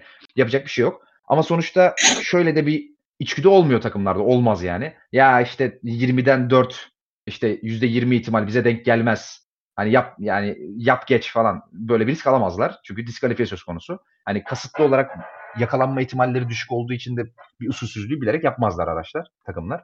O yüzden de hani e, bu süreci de çok eleştiremiyoruz. Ha kasıtsız bir ihlal olduğu zaman Hamilton'la Leclerc'in başına geldiği gibi yine sıyrılma durumları oluyor dediğimiz gibi. Yani mesela Hamilton'la Leclerc seçilmeseydi herhangi bir tanesi ya ikisi birden seç kurtulacaklardı. E, bu, şu anda da bunun önüne geçebilecek bir yaptırımı yok FIA'nın dediğimiz gibi. E, eklemek istediğim bir şey var mı bu konuda? Başka yok abi. Ee, yarışı ufaktan kapatıyorum. Sıralamalarla ilgili, iki, Lökler'le ilgili, ilgili söyleyeceğim iki tane şey vardı. Onları söylemeyi unuttum. Ee, bir tanesi çok komik. e, Verstappen'in turunun silindiğini daha pist, Lökler pistteyken daha pite dönmemişken turunu tamamladıktan sonra e, yarış mühendisi Javier, Xavi diyorlar kısaca. Şey şöyle söylüyor. Direkt cümlesi şu. Lap time deleted Verstappen olarak söylüyor. Yani önce lap time deleted diyor sonra bir es verip Verstappen diyor. Lökler de diyor ki ya diyor kimin turunun silindiğini söylesene önce diyor aklım çıktı diyor. Kalbim durdu gibi bir şey söylüyor yani. Çok komik bir radyo mesajı oldu orada. Hani önce diyor Verstappen olduğunu söyle ondan sonra turunu silindiğini söyledi. Kendi turu silindi zannetmiş çünkü Lökler. Öyle enteresan bir O ikili zaten asla anlaşamıyor biliyorsunuz. Hangi dilde konuşursa konuşsun. Bir, bir ortak bir universal bir dil bulamadık bir ikisi arasında. Yani ne olacak bu mesele bilmiyorum yani. Ve asla ee, da değişikliğe gidilmiyor ya. Neye gidilmiyor? Değişikliğe. Evet Ama evet yani işte yani çok net iki yıldır özellikle iki yıldır çok net görüyoruz yani ikisi de anlaşamıyor. Yani geçen sene mi neydi? 13, 30 falan fişman yarım saat bunu tartışmışlardı ya. abi asla anlay o törtlü tree'li törtlü şeyler de asla anlaşamıyorlar zaten. 13, 30, 30 asla ya. E dediğin gibi evet ya olmuyorsa zorlamayın abi ben anlamadım. En son one three falan diyordu. Evet evet zaten kodlamak zorunda kalıyor yani. Hani 13 mi 30 mi 13 mi 30 mi en son diyor ki 1 3 falan ya. Allah'ım yarabbim. ya ey Allah'ım yarabbim. Komedi dans ikilisi hakikaten yani ne diyeyim. Ee, aldığı pole pozisyonuna ilgili de bu açıklamayı özellikle aldım. Hakikaten bizim hep burada konuştuğumuz özellikle bu sezon özelinde hep konuştuğumuz Ferrari ile ilgili şeyi Lökler de doğrulamış oldu. İşte Ferrari'nin bu değişken formülle ilgili bir soru sorulmuş. Sıralama turlarından sonra pole pozisyonunu aldığı sıralama turlarından sonra Lökler'e. O da şöyle çok dürüstçe bir cevap vermiş. Demiş ki bu konular hakkında düşünmüyorum demiş. Bunu düşünmeyi bırakalı çok uzun zaman oldu demiş. Çünkü bu seneki aracın performansının performans olarak nerede olduğunu asla kestiremiyorum. Hiç anlayamıyorum. Yarış hafta sonunda aracın rakiplerine oranla nasıl bir performans gösterebileceğini tahmin etmek çok zor oluyor bizim için. Mesela bugün araç iyi hissettirdi. Olumlu anlamda da şaşırttı beni. Çünkü araç ne kadar iyi hissettirse de pole pozisyonu mücadelesinde olmayı hiç beklemiyordum ama pole pozisyonu almayı başardım demiş Lökler. Çok gerçekten dürüst. Hani biraz sistemkar. Bizim de konuştuğumuz şeyi doğrulamış olmuş aslında. Ee, evet biz hep konuşuyoruz burada Koray. Hani Ferrari'nin bu değişken işte sıralamadan yarışa, hafta sonundan hafta sonuna falan değişen performansını. Bu da Lökler'in ağzından doğrulamış olduk. Aslında hep konuştuğumuz şeyler ama eklemek istediğim bir şey var mı bu konuda? Yani neden böyle olduğunu bir kısaca hatırlat istersen. dinleyenler. Abi ya, ya evet hani şeyden falan çok bahsettik. Hani biraz önce söyledim zaten işte Ferrari'nin e, pist üstünde sorunları var ya da işte e, tek turu daha iyiyken e, daha e, long runlarda da sıkıntı yaşıyorlar doğal olarak şey çünkü lastik e, ısılarını ideal aralıkta tutamıyorlar vesaire falan bunları e, biraz konuştuk ama ya Ferrari'de ya bu teknik detaylar dışında ya hala bence şu tamamen çözülmüş değil. Yani hep ben yıllardır hep söylüyorum bunu. Ya mesela bir Red Bull'daki baskıyla Ferrari'deki baskı bir değildir. İşte Mercedes'teki baskıyla Ferrari'deki baskı bir değildir. Şimdi e, Ferrari'nin zamanında çok yanlış yaptığı ve eleştirildiği şeyler var. Atıyorum işte özellikle bunun en büyük örneklerinden biri işte Raikkonen'in gönderilmesi mesela.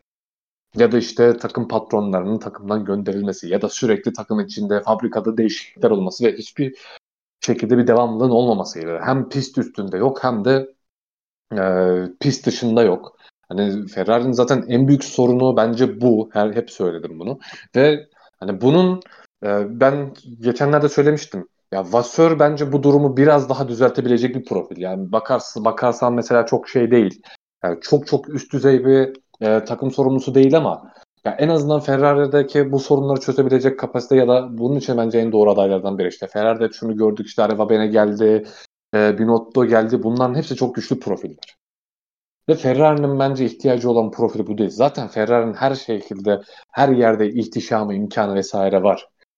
Zaten Ferrari'nin işte e, sorunu, mühendisi, çalışanı ya da işte e, ortaya ya da imkanları vesaire hiçbir zaman değildi. Ya mesela bunun en güzel örneklerinden biri Montezemolo.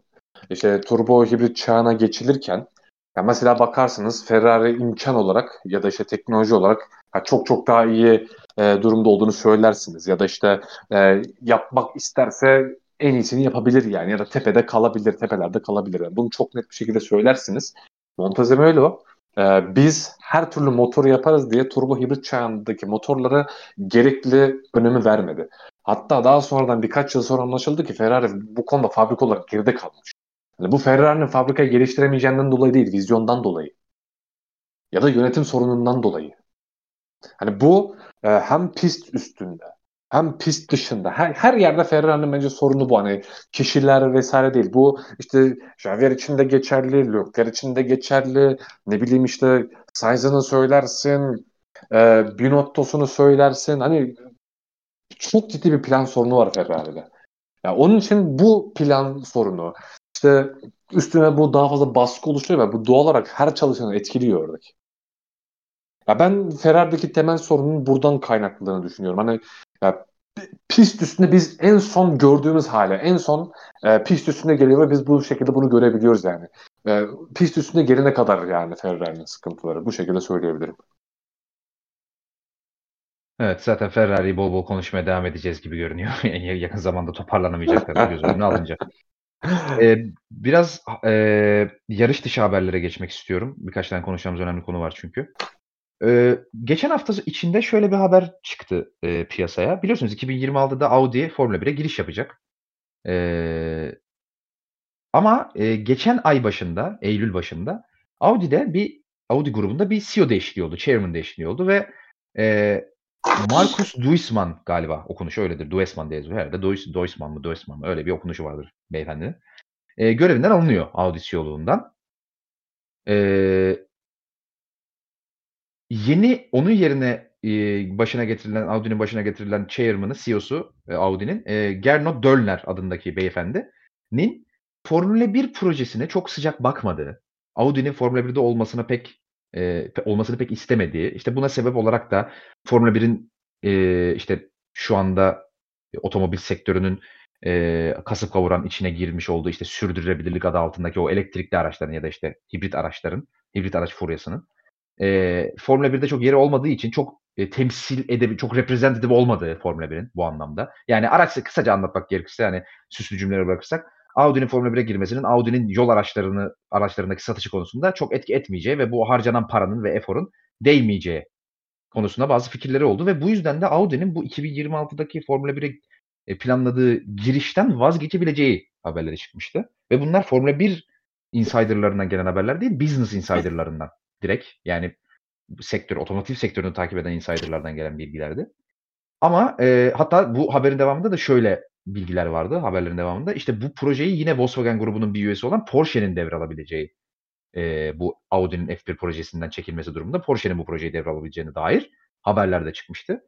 E, söylentiler sonrasında bir Audi sözcüsü çıkıp direkt çıkan söylentiler yanlış ve kesinlikle doğru değil. Biz Formula 1 projemizin arkasındayız gibi bir açıklama yaptı. E, ama böyle bir haber çıkması da enteresan gerçekten. Ve dediğim gibi yani Formula 1 camiasından da değil, e, direkt business tarafından geliyor bu. Ve Volkswagen'in de Volkswagen grubunda, VAG grubunun da geçmişi düşünüldüğünde yani belki şimdi değil ama bundan birkaç ay sonra veya bir yıl sonra vesaire Audi bu işten çekilirse çok da şaşırmam artık bu saatten sonra. Çünkü yani hem grup hiç güvenilir değil hem de bir biliyorsunuz yani özellikle Formula 1 söz konusu olduğunda bir yerden duman çıkıyorsa ateş olma ihtimali yüksek oluyor. Böyle bir haber var. Ee, ne demek istersin Koray? Sen bir şüphe uyandırdı mı sende yoksa boş bir haberdir deyip geçtin mi? Yani Veya bu şöyle durumun... bir de ekstra olarak şöyle sorayım lafını böldüm pardon. Böyle bir şey yaşanırsa Formula 1 bir şey kaybeder mi? Hmm. Abi şöyle yani bu e, söylentinin çıkması çok normal. Çünkü Audi'nin daha önceki CEO'su olan Markus Duisman mı? Ne artık ismini ben de telaffuz edemiyorum. Ya o daha önceden Formula 1 geçmiş olan hatta McLaren ve BMW'de bayağı motor departmanının başında çalışmış bir adam.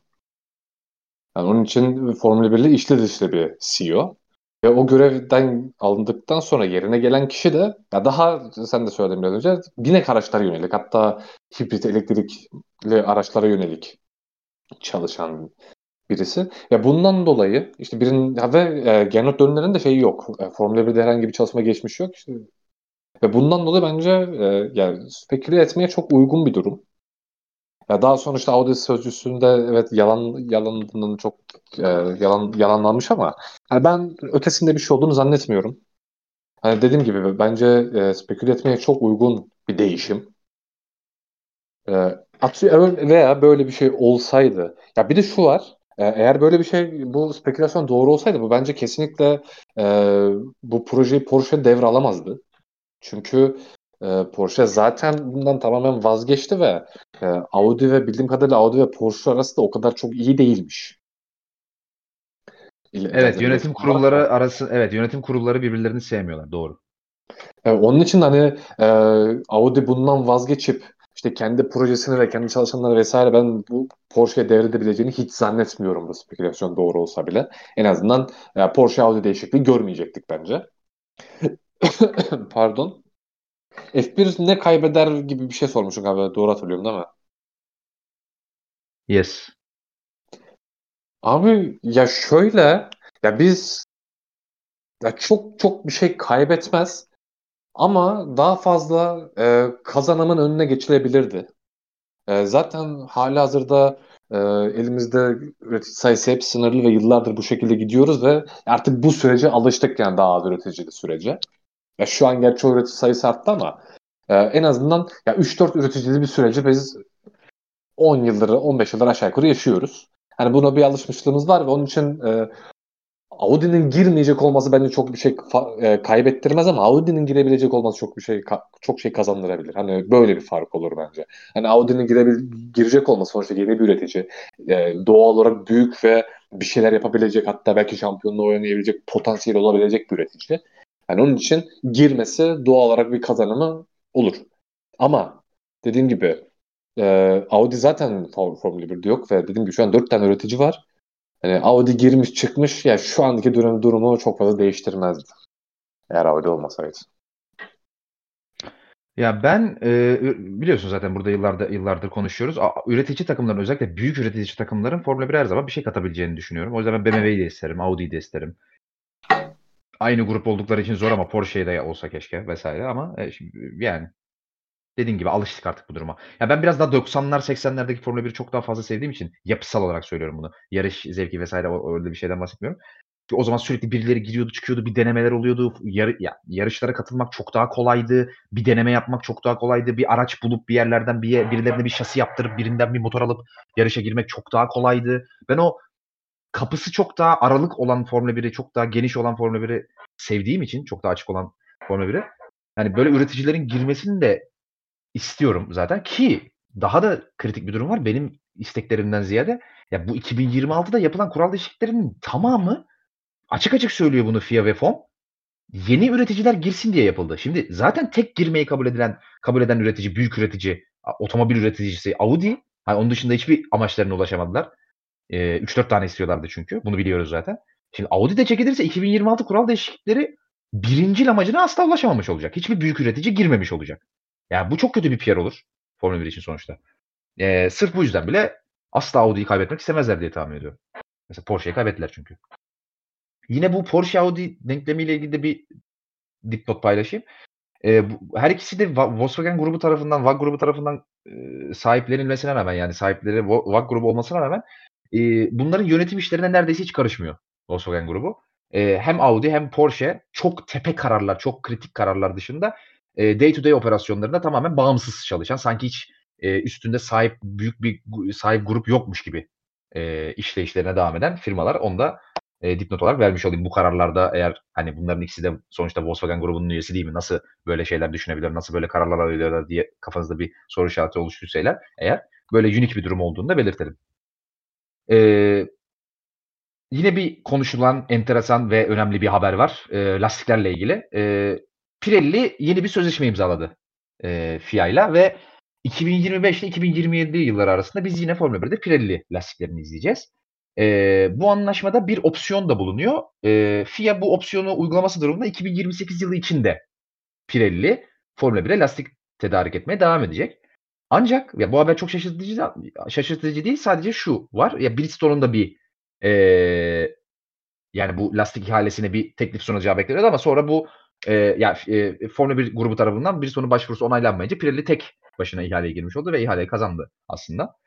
Daha enteresan olan olay şu, e, resmi bir haber değil ama çıkan haberlerde Pirelli'nin bu yaptığı anlaşmanın son anlaşması olacağı ve ya 2007 ya da 2028 yılında opsiyon kullanır, kullanırsa eğer e, anlaşma bittikten sonra Formula 1'e lastik üretmeyi bırakacağı söylendi.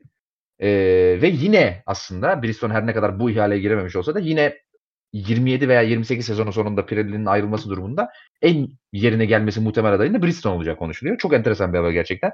Ee, 2011 yılından itibaren lastik tedarik ediyor Formula 1'e Pirelli ve 2027 sezonuyla beraber 16 sezonu 17 sezonu bitirmiş olacaklar 2028 olursa. Ee, yaklaşık 20 sezona yakın bir e, tedarik geçmiş olacak. Ama bu son olduğu açıklaması yani açıklama değil ama söylentisi gerçekten enteresan. Bu konunun bir doğruluğu olacak mı?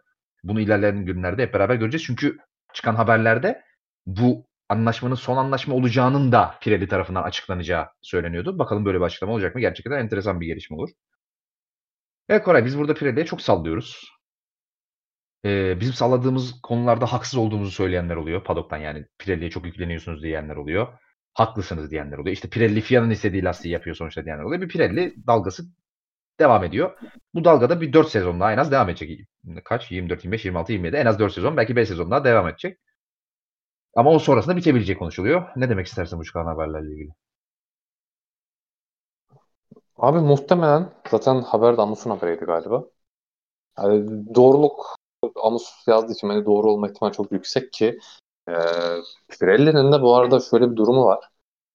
Yani biz şu ana kadar Pirelli'ye çok salladık ettik ama özellikle pandemi döneminde işte Formula 1 daha önceden konuşmuştuk çok ciddi e, zararlar etmişti ve hani bu süreçten Formula 1'in çıkmasında en büyük etkenlerden biri de Pirelli. Pirelli bayağı destek olmuş.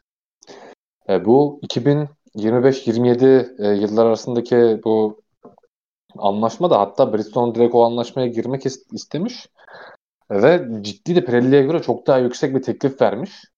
Daha sonra e, işte hem kura, 2026'da kural değişiklikleri gelecek hem biraz önce bahsettiğim Pirelli'nin pandemi dönemindeki e, Formula 1'e desteklerinden dolayı hani Pirelli'yi bırakmak istememiş.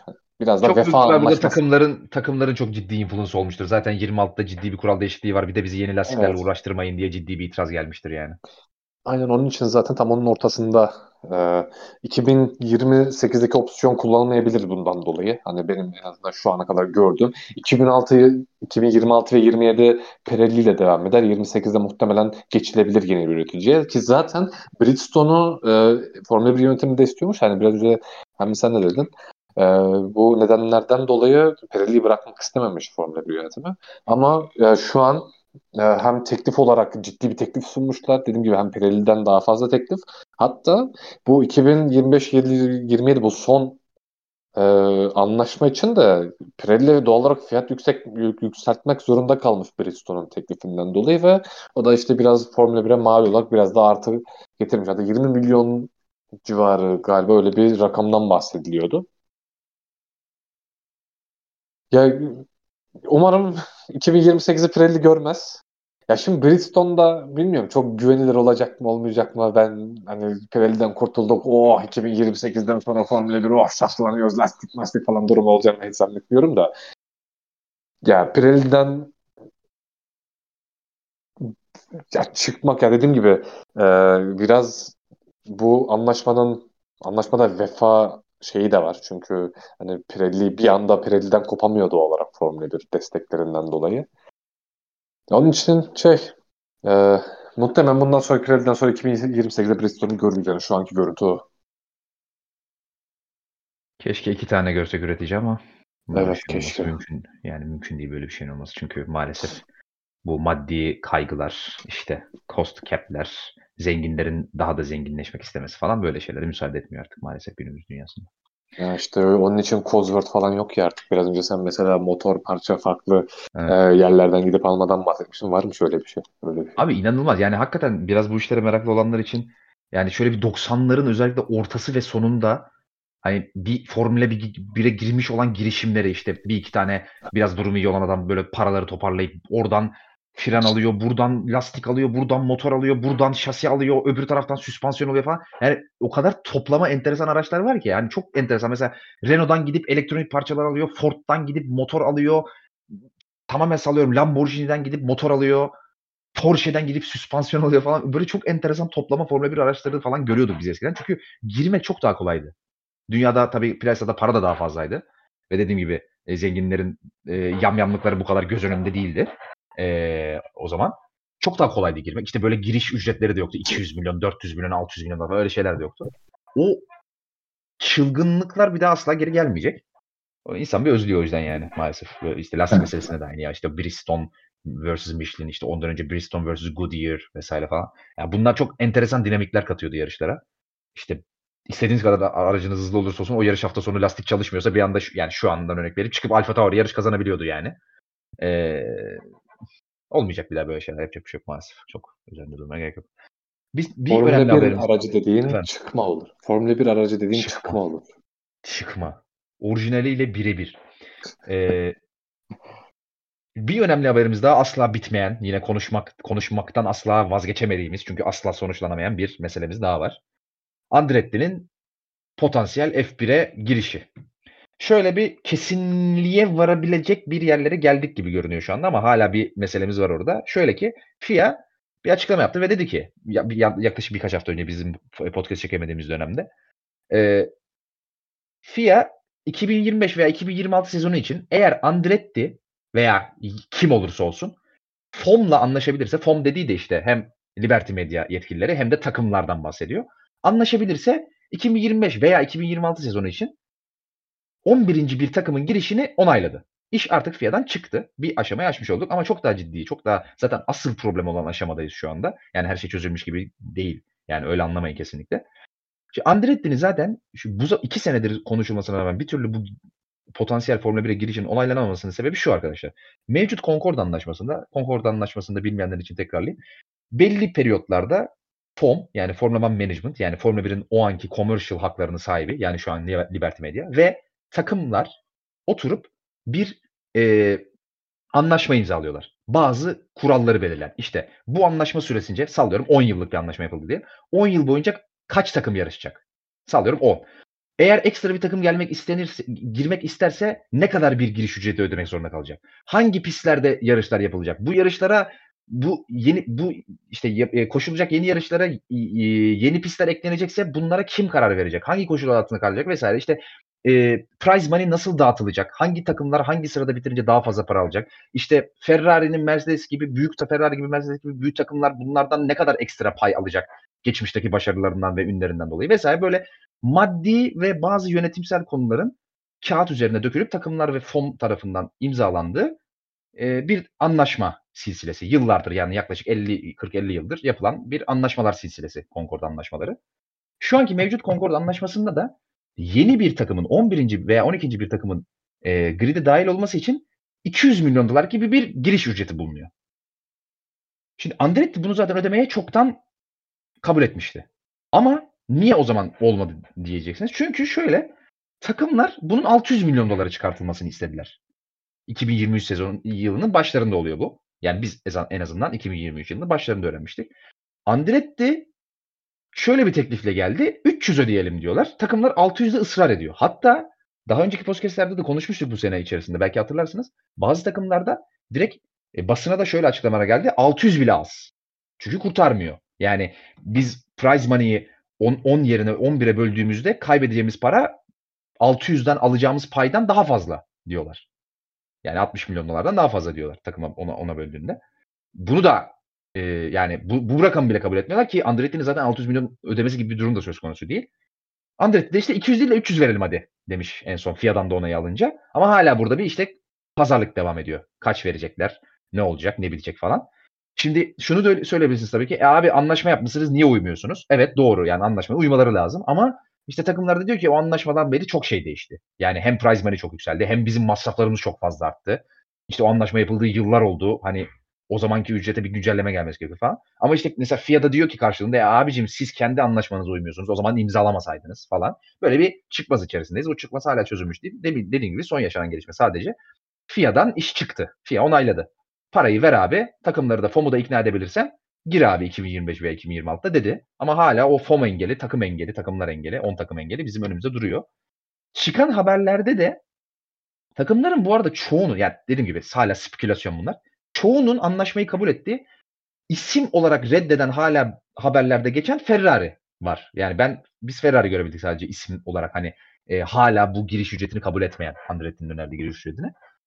E, ama yani anladığımız kadarıyla sonuca varmaya yaklaşıyoruz. Hani bu sonuç olumsuz olur, olumlu olur onu göreceğiz ama sonuca varmaya yaklaşıyoruz gibi duruyor. Zaten çünkü 2025 veya 26 sezonunda da ne kaldı? Sonuçta ha deyince de girilmiyor yani. Minimum bu bir buçuk iki senelik bir çalışma içerisinde bulunmanız gerekiyor. E, 2023'ün sonuna geldik yani. Andretti'nin de bir an önce hani önünü görebilmesi gerekiyor sonuçta. Ee, tabii bu işle bağlantılı olarak bir mesele daha var. Tamam hadi diyelim ki Andretti girdi.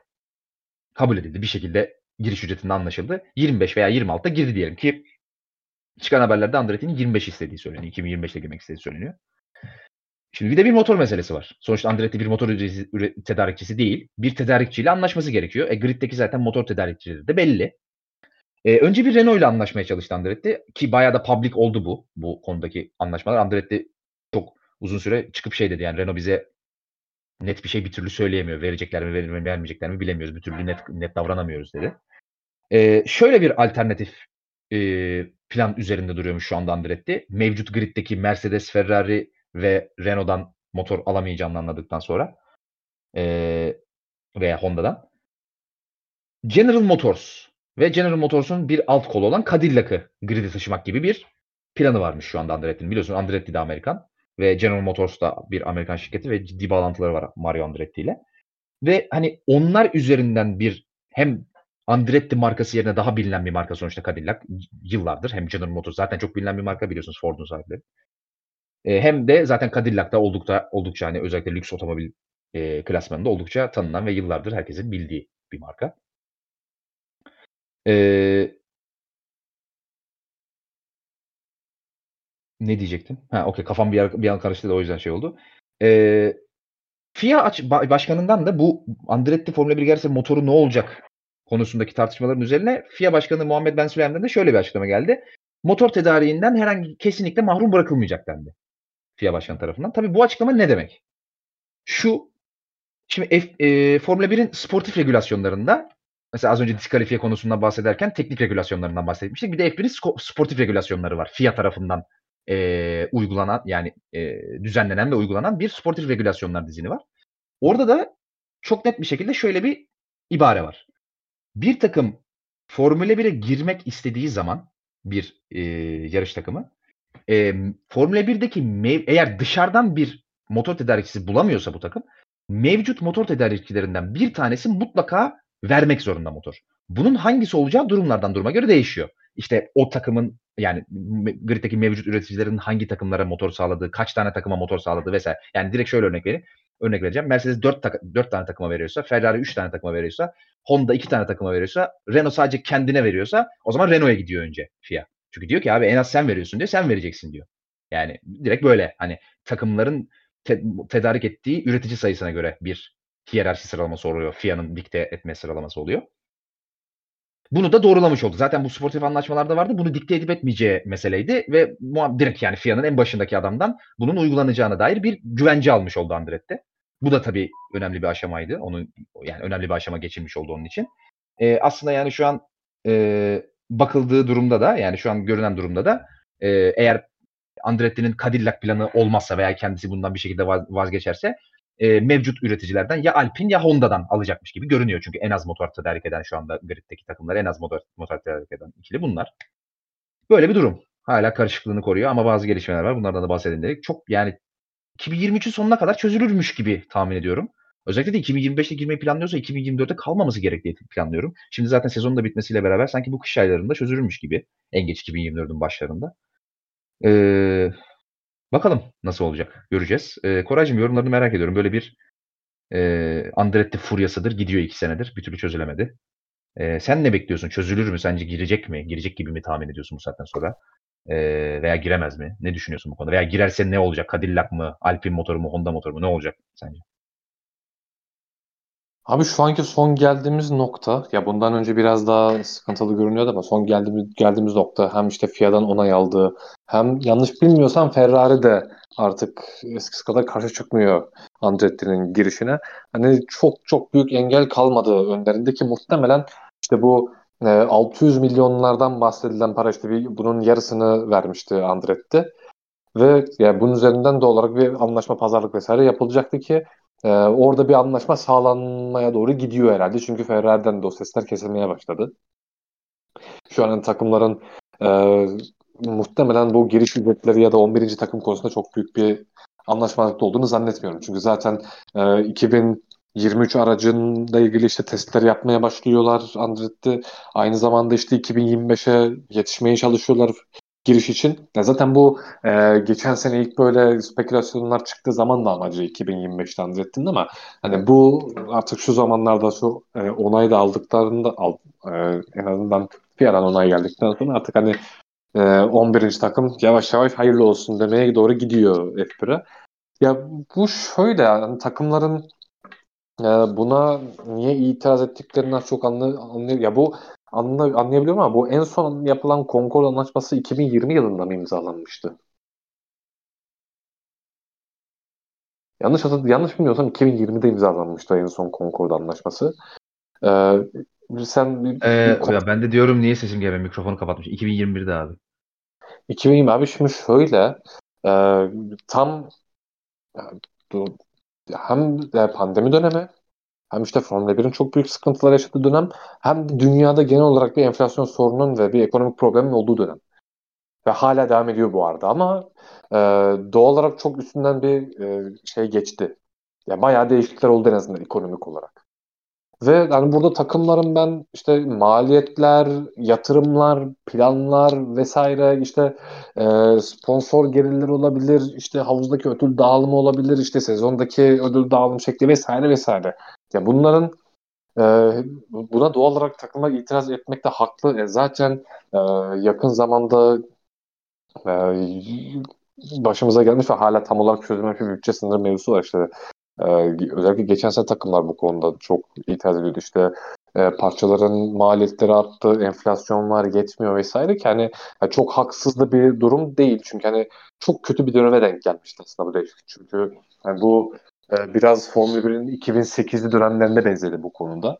E, en azından ekonomik krizi olarak. Çünkü o dönemde hem bir e, skandal patlayıp hem de üstüne dünyada genel bir ekonomik kriz vardı ki yani bu, bu dönemde de işte e, benzer bir durum yaşamıştı Formula 1. E, Ki zaten 2009 yılı ne olacağı belli olmayan bir sezon haline gelmişti ki e, en azından hani bu süreçler yaşanmadı.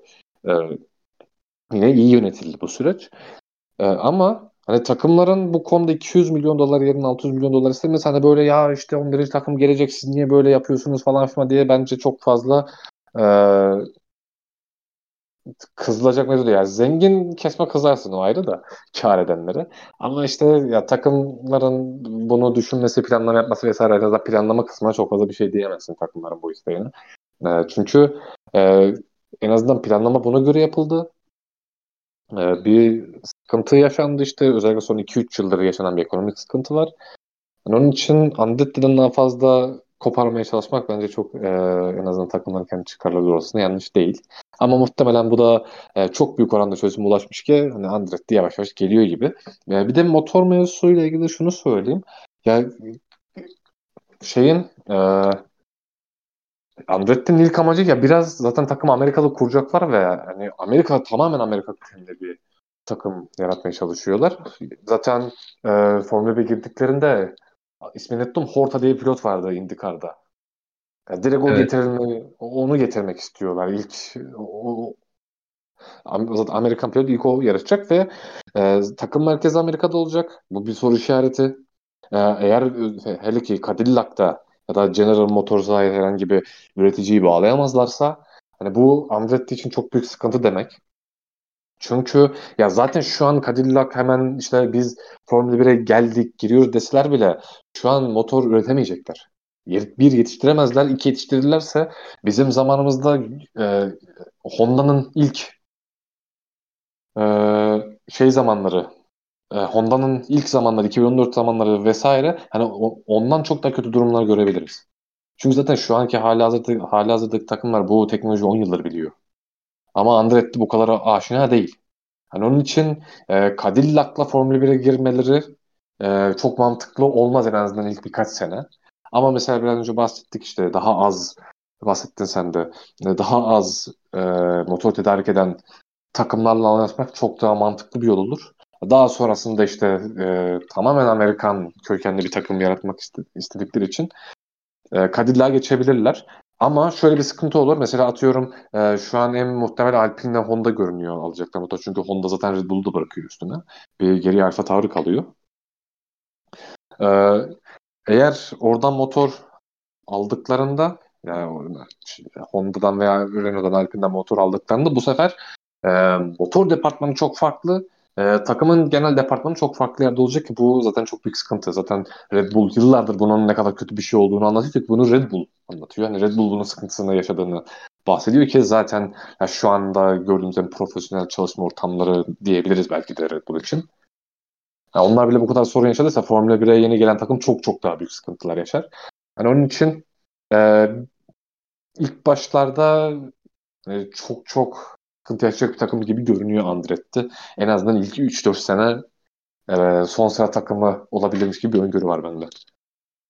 Şu veriler doğrultusunda. Bu kadar değil söyleyeceklerim.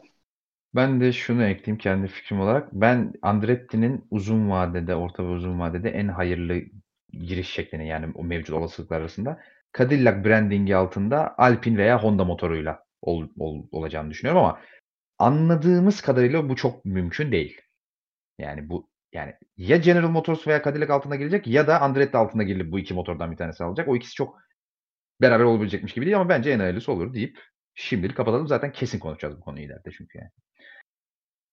Ee, son olarak bir de Perez'e değinmek istiyorum. Perez'le ilgili enteresan haberler çıkıyor son birkaç haftadır. Ee, şöyle bir haber düşüyor. Tabii bu direkt yaralandı jet hızıyla. Jet hızıyla da değil aslında birkaç gün sonra yaralandı Horner tarafından ama Perez'in bu sezonki e, dünya şampiyonasını, dünya pilotlar şampiyonasını eğer iki, e, ikinci sırada tamamlayamazsa bu sezon sonu kovulacağını ve yerine Ricardo'nun geleceğini e, yani bu geleceğe da, geleceğine dair bir haber çıktı.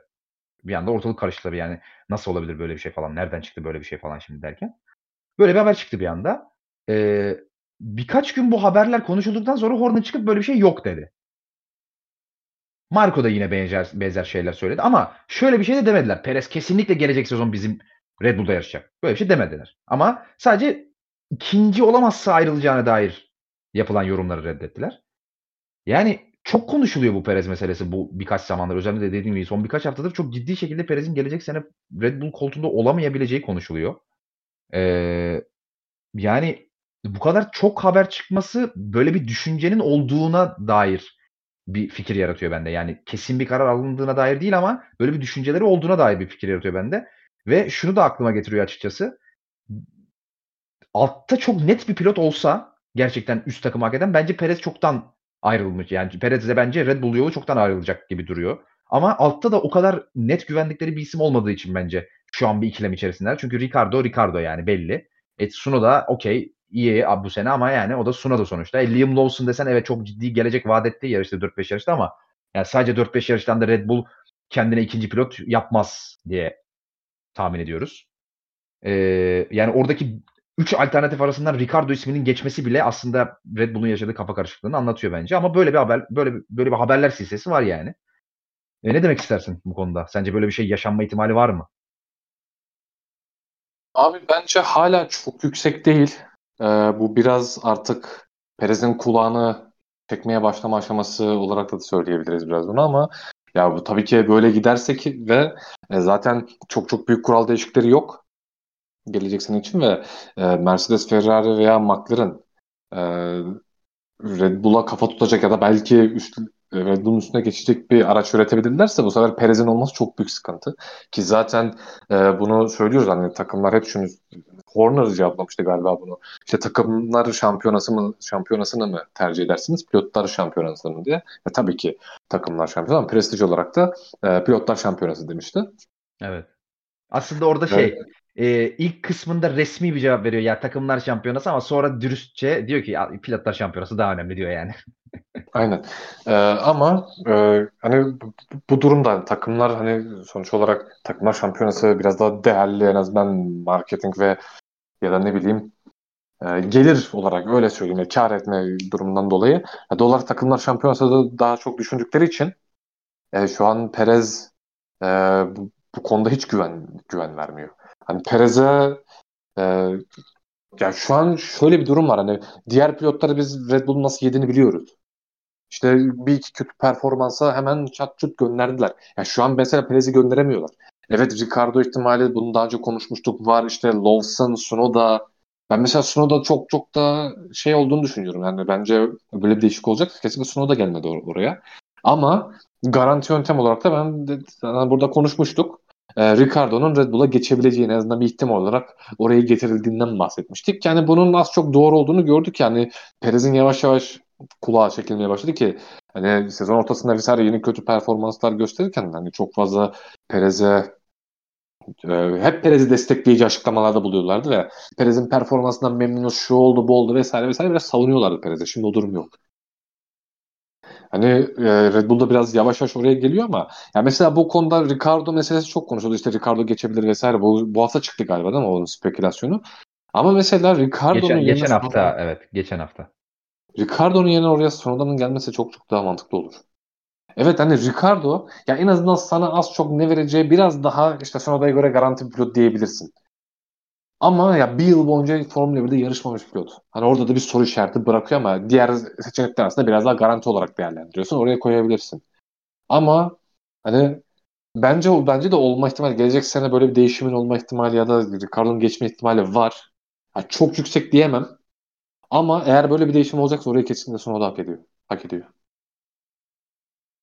Teşekkür ederim. Artık iki saate de yaklaşıyoruz. Senin de işin var biliyorum. Daha fazla uzatmak istedim. Bir iki konu daha vardı konuşacağım ama minimal konular bir sonraki podcast'te bırakıyorum.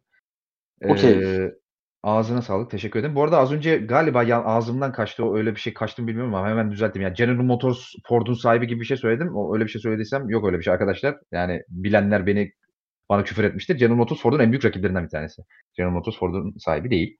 Ee, Amerika'nın en büyük iki otomobil üreticisiydi en son yanlış hatırlamıyorsam ikisi. Hala da öyle diye tahmin ediyorum. Orada bir teksip yapmış olayım. Ee, teşekkür ederim Koraycığım. Ağzına sağlık.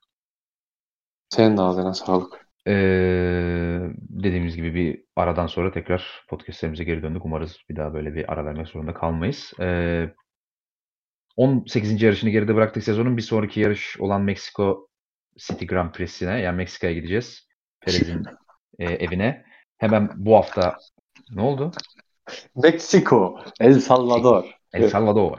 Hemen bu hafta sonu var zaten yarış. Hiçbir ara vermiyoruz. Ee, yarıştan sonra yine pazartesi veya salı günü umuyoruz sizlerle tekrar buluşmak üzere. Hoşçakalın efendim. Teşekkürler. Hoşçakalın.